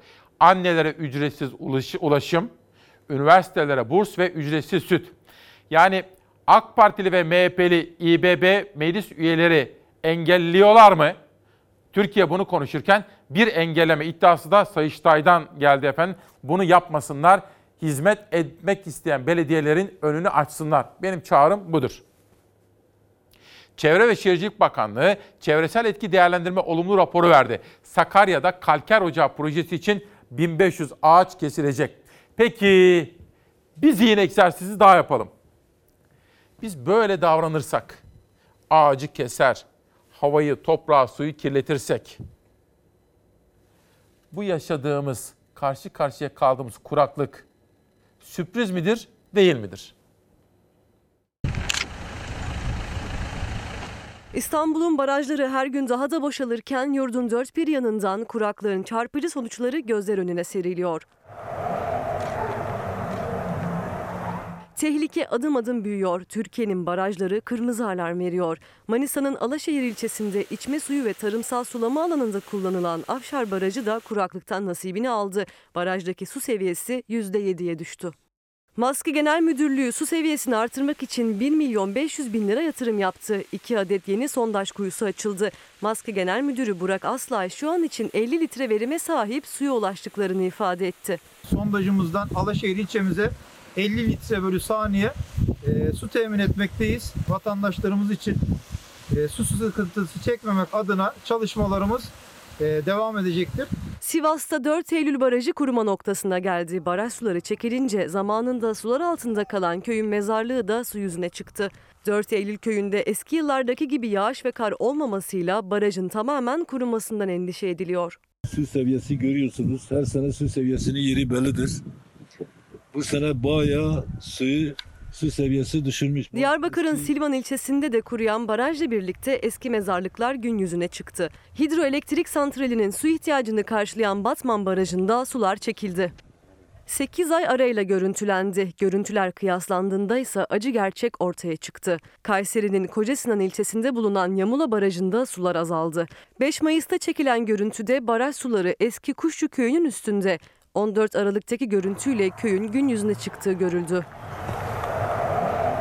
Sapanca Gölü de endişe vermeye devam ediyor. Beklenen yağışlar gelmedi. Su seviyesi düştükçe düştü. Suyun üstüne çıkan kayalıklar gözler önüne çıktı. Sapanca Gölü Sakarya'nın içme suyu ihtiyacının %90'ını, Kocaeli'nin ise %15'ini karşılıyor.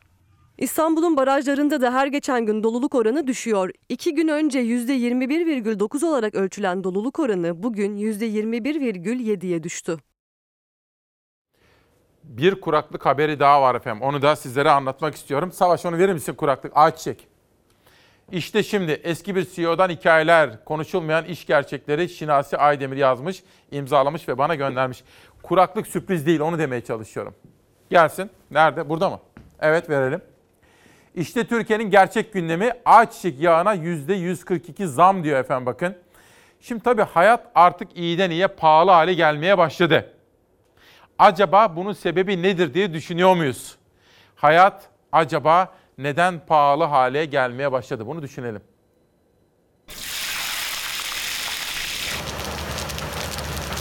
Çiçek fiyatları arttığında rafine fiyatları, yağ fiyatlarımız da artacaktır. Geçtiğimiz yıla bakarak arttı. Ayçiçek tarlaları kuraklıktan etkilendi. Geçim derdine düşen vatandaş daha ucuz olduğu için ayçiçek yağına yöneldi. Talep artışı rekoltedeki düşüşle birleşince olan tüketiciye oldu. Ayçiçek yağı fiyatları 3 ayda %55 arttı. 5 litrelik ayçiçek yağı ortalama 45 liradan 70 liraya yükseldi. Bir ayçiçek yağı değil ki her şeye zam gelmiş. Koronavirüs salgını nedeniyle geçim derdine düşen vatandaş özellikle dar gelirli harcamalarını azaltmaya çalışıyor. Ancak gıdadan kesinti yapmak zor. Bu nedenle daha uygun fiyatlı ürünleri tercih ediyor dar gelirli. Sofralarda artık daha fazla ayçiçek yağı tüketiliyor. Bakliyat firmasında çalışıyorum. Market olarak geziyorum. Yani günlük 8-9 market geziyorum. En çok şu an yağda zam var. Türkiye ayçiçek yağı ihtiyacının yarısından fazlasını ithal ediyor. Döviz kurlarındaki artış fiyatları doğrudan etkiliyor. Yerli üretici ise bu yıl yağış azlığı nedeniyle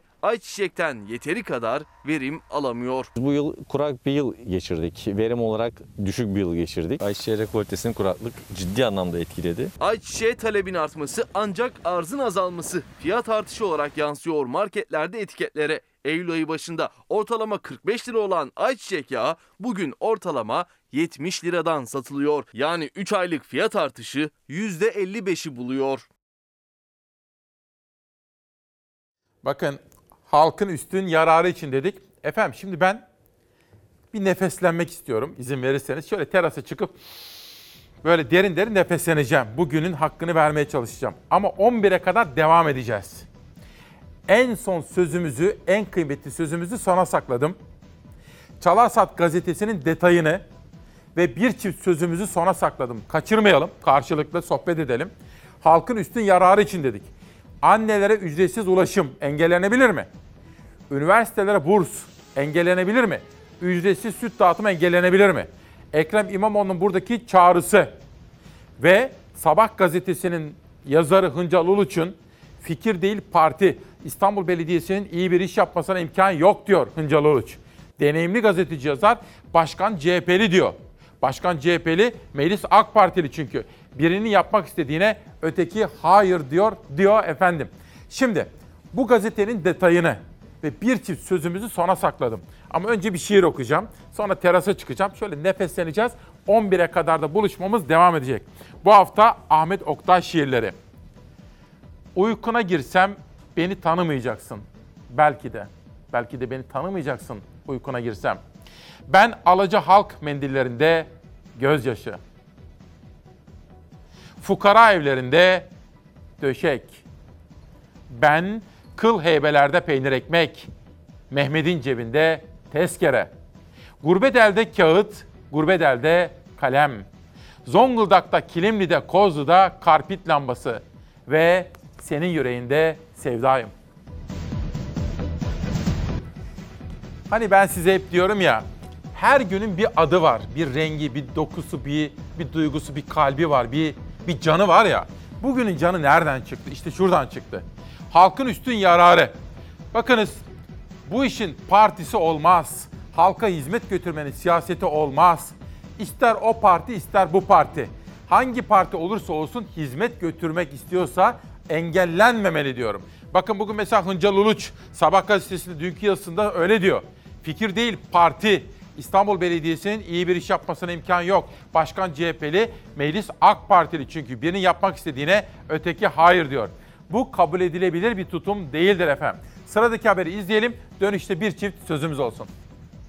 Benim gündemim 16 milyon İstanbullu. Sayıştay belediyelere ait 2019 denetim raporlarını yayınladı. Raporda İstanbul Büyükşehir Belediyesi'nin hizmete geçirdiği programlar mevzuata aykırı bulundu. İmamoğlu Sayıştay raporuna tepki gösterdi. 0-4 yaş arası. Çocuğu olan anneye çocuğu doğduğu gün kartı verilecek. İmamoğlu'nun seçim vaadiydi 0-4 yaş arası çocuğu olan annelere ücretsiz ulaşım kartı. Sadece 100 bin annenin yararlandığı kart uygulamasına değil, ihtiyaç sahibi ailelere halk süt dağıtımına da mevzuata aykırı dedi Sayıştay. LGS, YGS gibi sınav günlerinde adayların ve sınav görevlilerinin bedava ulaşım hakkına da aykırı yorumu geldi. Denetçiler rapora yetkinin Cumhurbaşkanı'nda olduğunu yazdı. Sayıştay 0-4 yaş çocuklu annelere sağladığımız ücretsiz ulaşımı, 115 bin çocuğa dağıttığımız ücretsiz sütü ve üniversitelere sağladığımız eğitim desteğini mevzuata aykırı buldu. Üstün kamu yararı bulunan tüm hizmetlerimiz devam edecek. Anneler, çocuklar, gençler müsterih olsun. İmamoğlu Sayıştay raporundaki tespitlere böyle tepki gösterdi. Rapora yansıyan tüm icraatların kamu yararına olduğunu söyledi. Üstün kamu yararı bulunan tüm hizmetlerimiz devam edecek dedi. Bakınız iktidarlar gibi belediyeler de devletimizindir, halkımızındır, bizimdir. Hizmet etmek için var. O parti gelir, bu parti gider. Dolayısıyla belediyelerde de böylesine engelleyici tutum içine girmeyelim derim ben. Ayrıca AK Parti uzun yıllardır, neredeyse çeyrek asırdır belediyeleri yönetiyor. Varsa bir hizmet teşekkür ediyoruz. Eksik kaldıysa tamamlanmasını istiyoruz. Onlar da tamamlayıcı olsun, destekleyici olsun diyorum efendim ben. Üstelik de pandemi zamandayız. İşte bugün Çalarsat gazetesi halkın üstün yararı için dedik. Verelim gazeteyi şöyle. Annelere, babalara yardımcı olacak, çocuklara süt dağıtacak projeleri destekleyelim diyoruz efendim. Engelleyici olmayalım, iyilikte yarışalım diyoruz. Aksi tutumlar kimselere fayda sağlamaz. Benim inancım bu. İsmail Küçükkaya Demokrasi Meydanı ve yan tarafta adı geçen bütün ekip arkadaşlarıma da, danışmanıma da içtenlikle teşekkür ediyorum efendim. Bugünü de kitaplarla kapatalım. Yankı Mustafa Türker yazmış ve imzalamış bana göndermiş. Ah Tutku beni öldürür müsün diyor efendim. Bu arada saatler 11'e doğru hızla yol alıyor. Katkınız için, katılımınız için, bana yarenlik yaptığınız için teşekkür ediyorum. Yarın 8'den 11'e kadar devam edeceğiz. Şimdi Çalar Saat ailesi olarak Çağla Şikel'e gidiyoruz.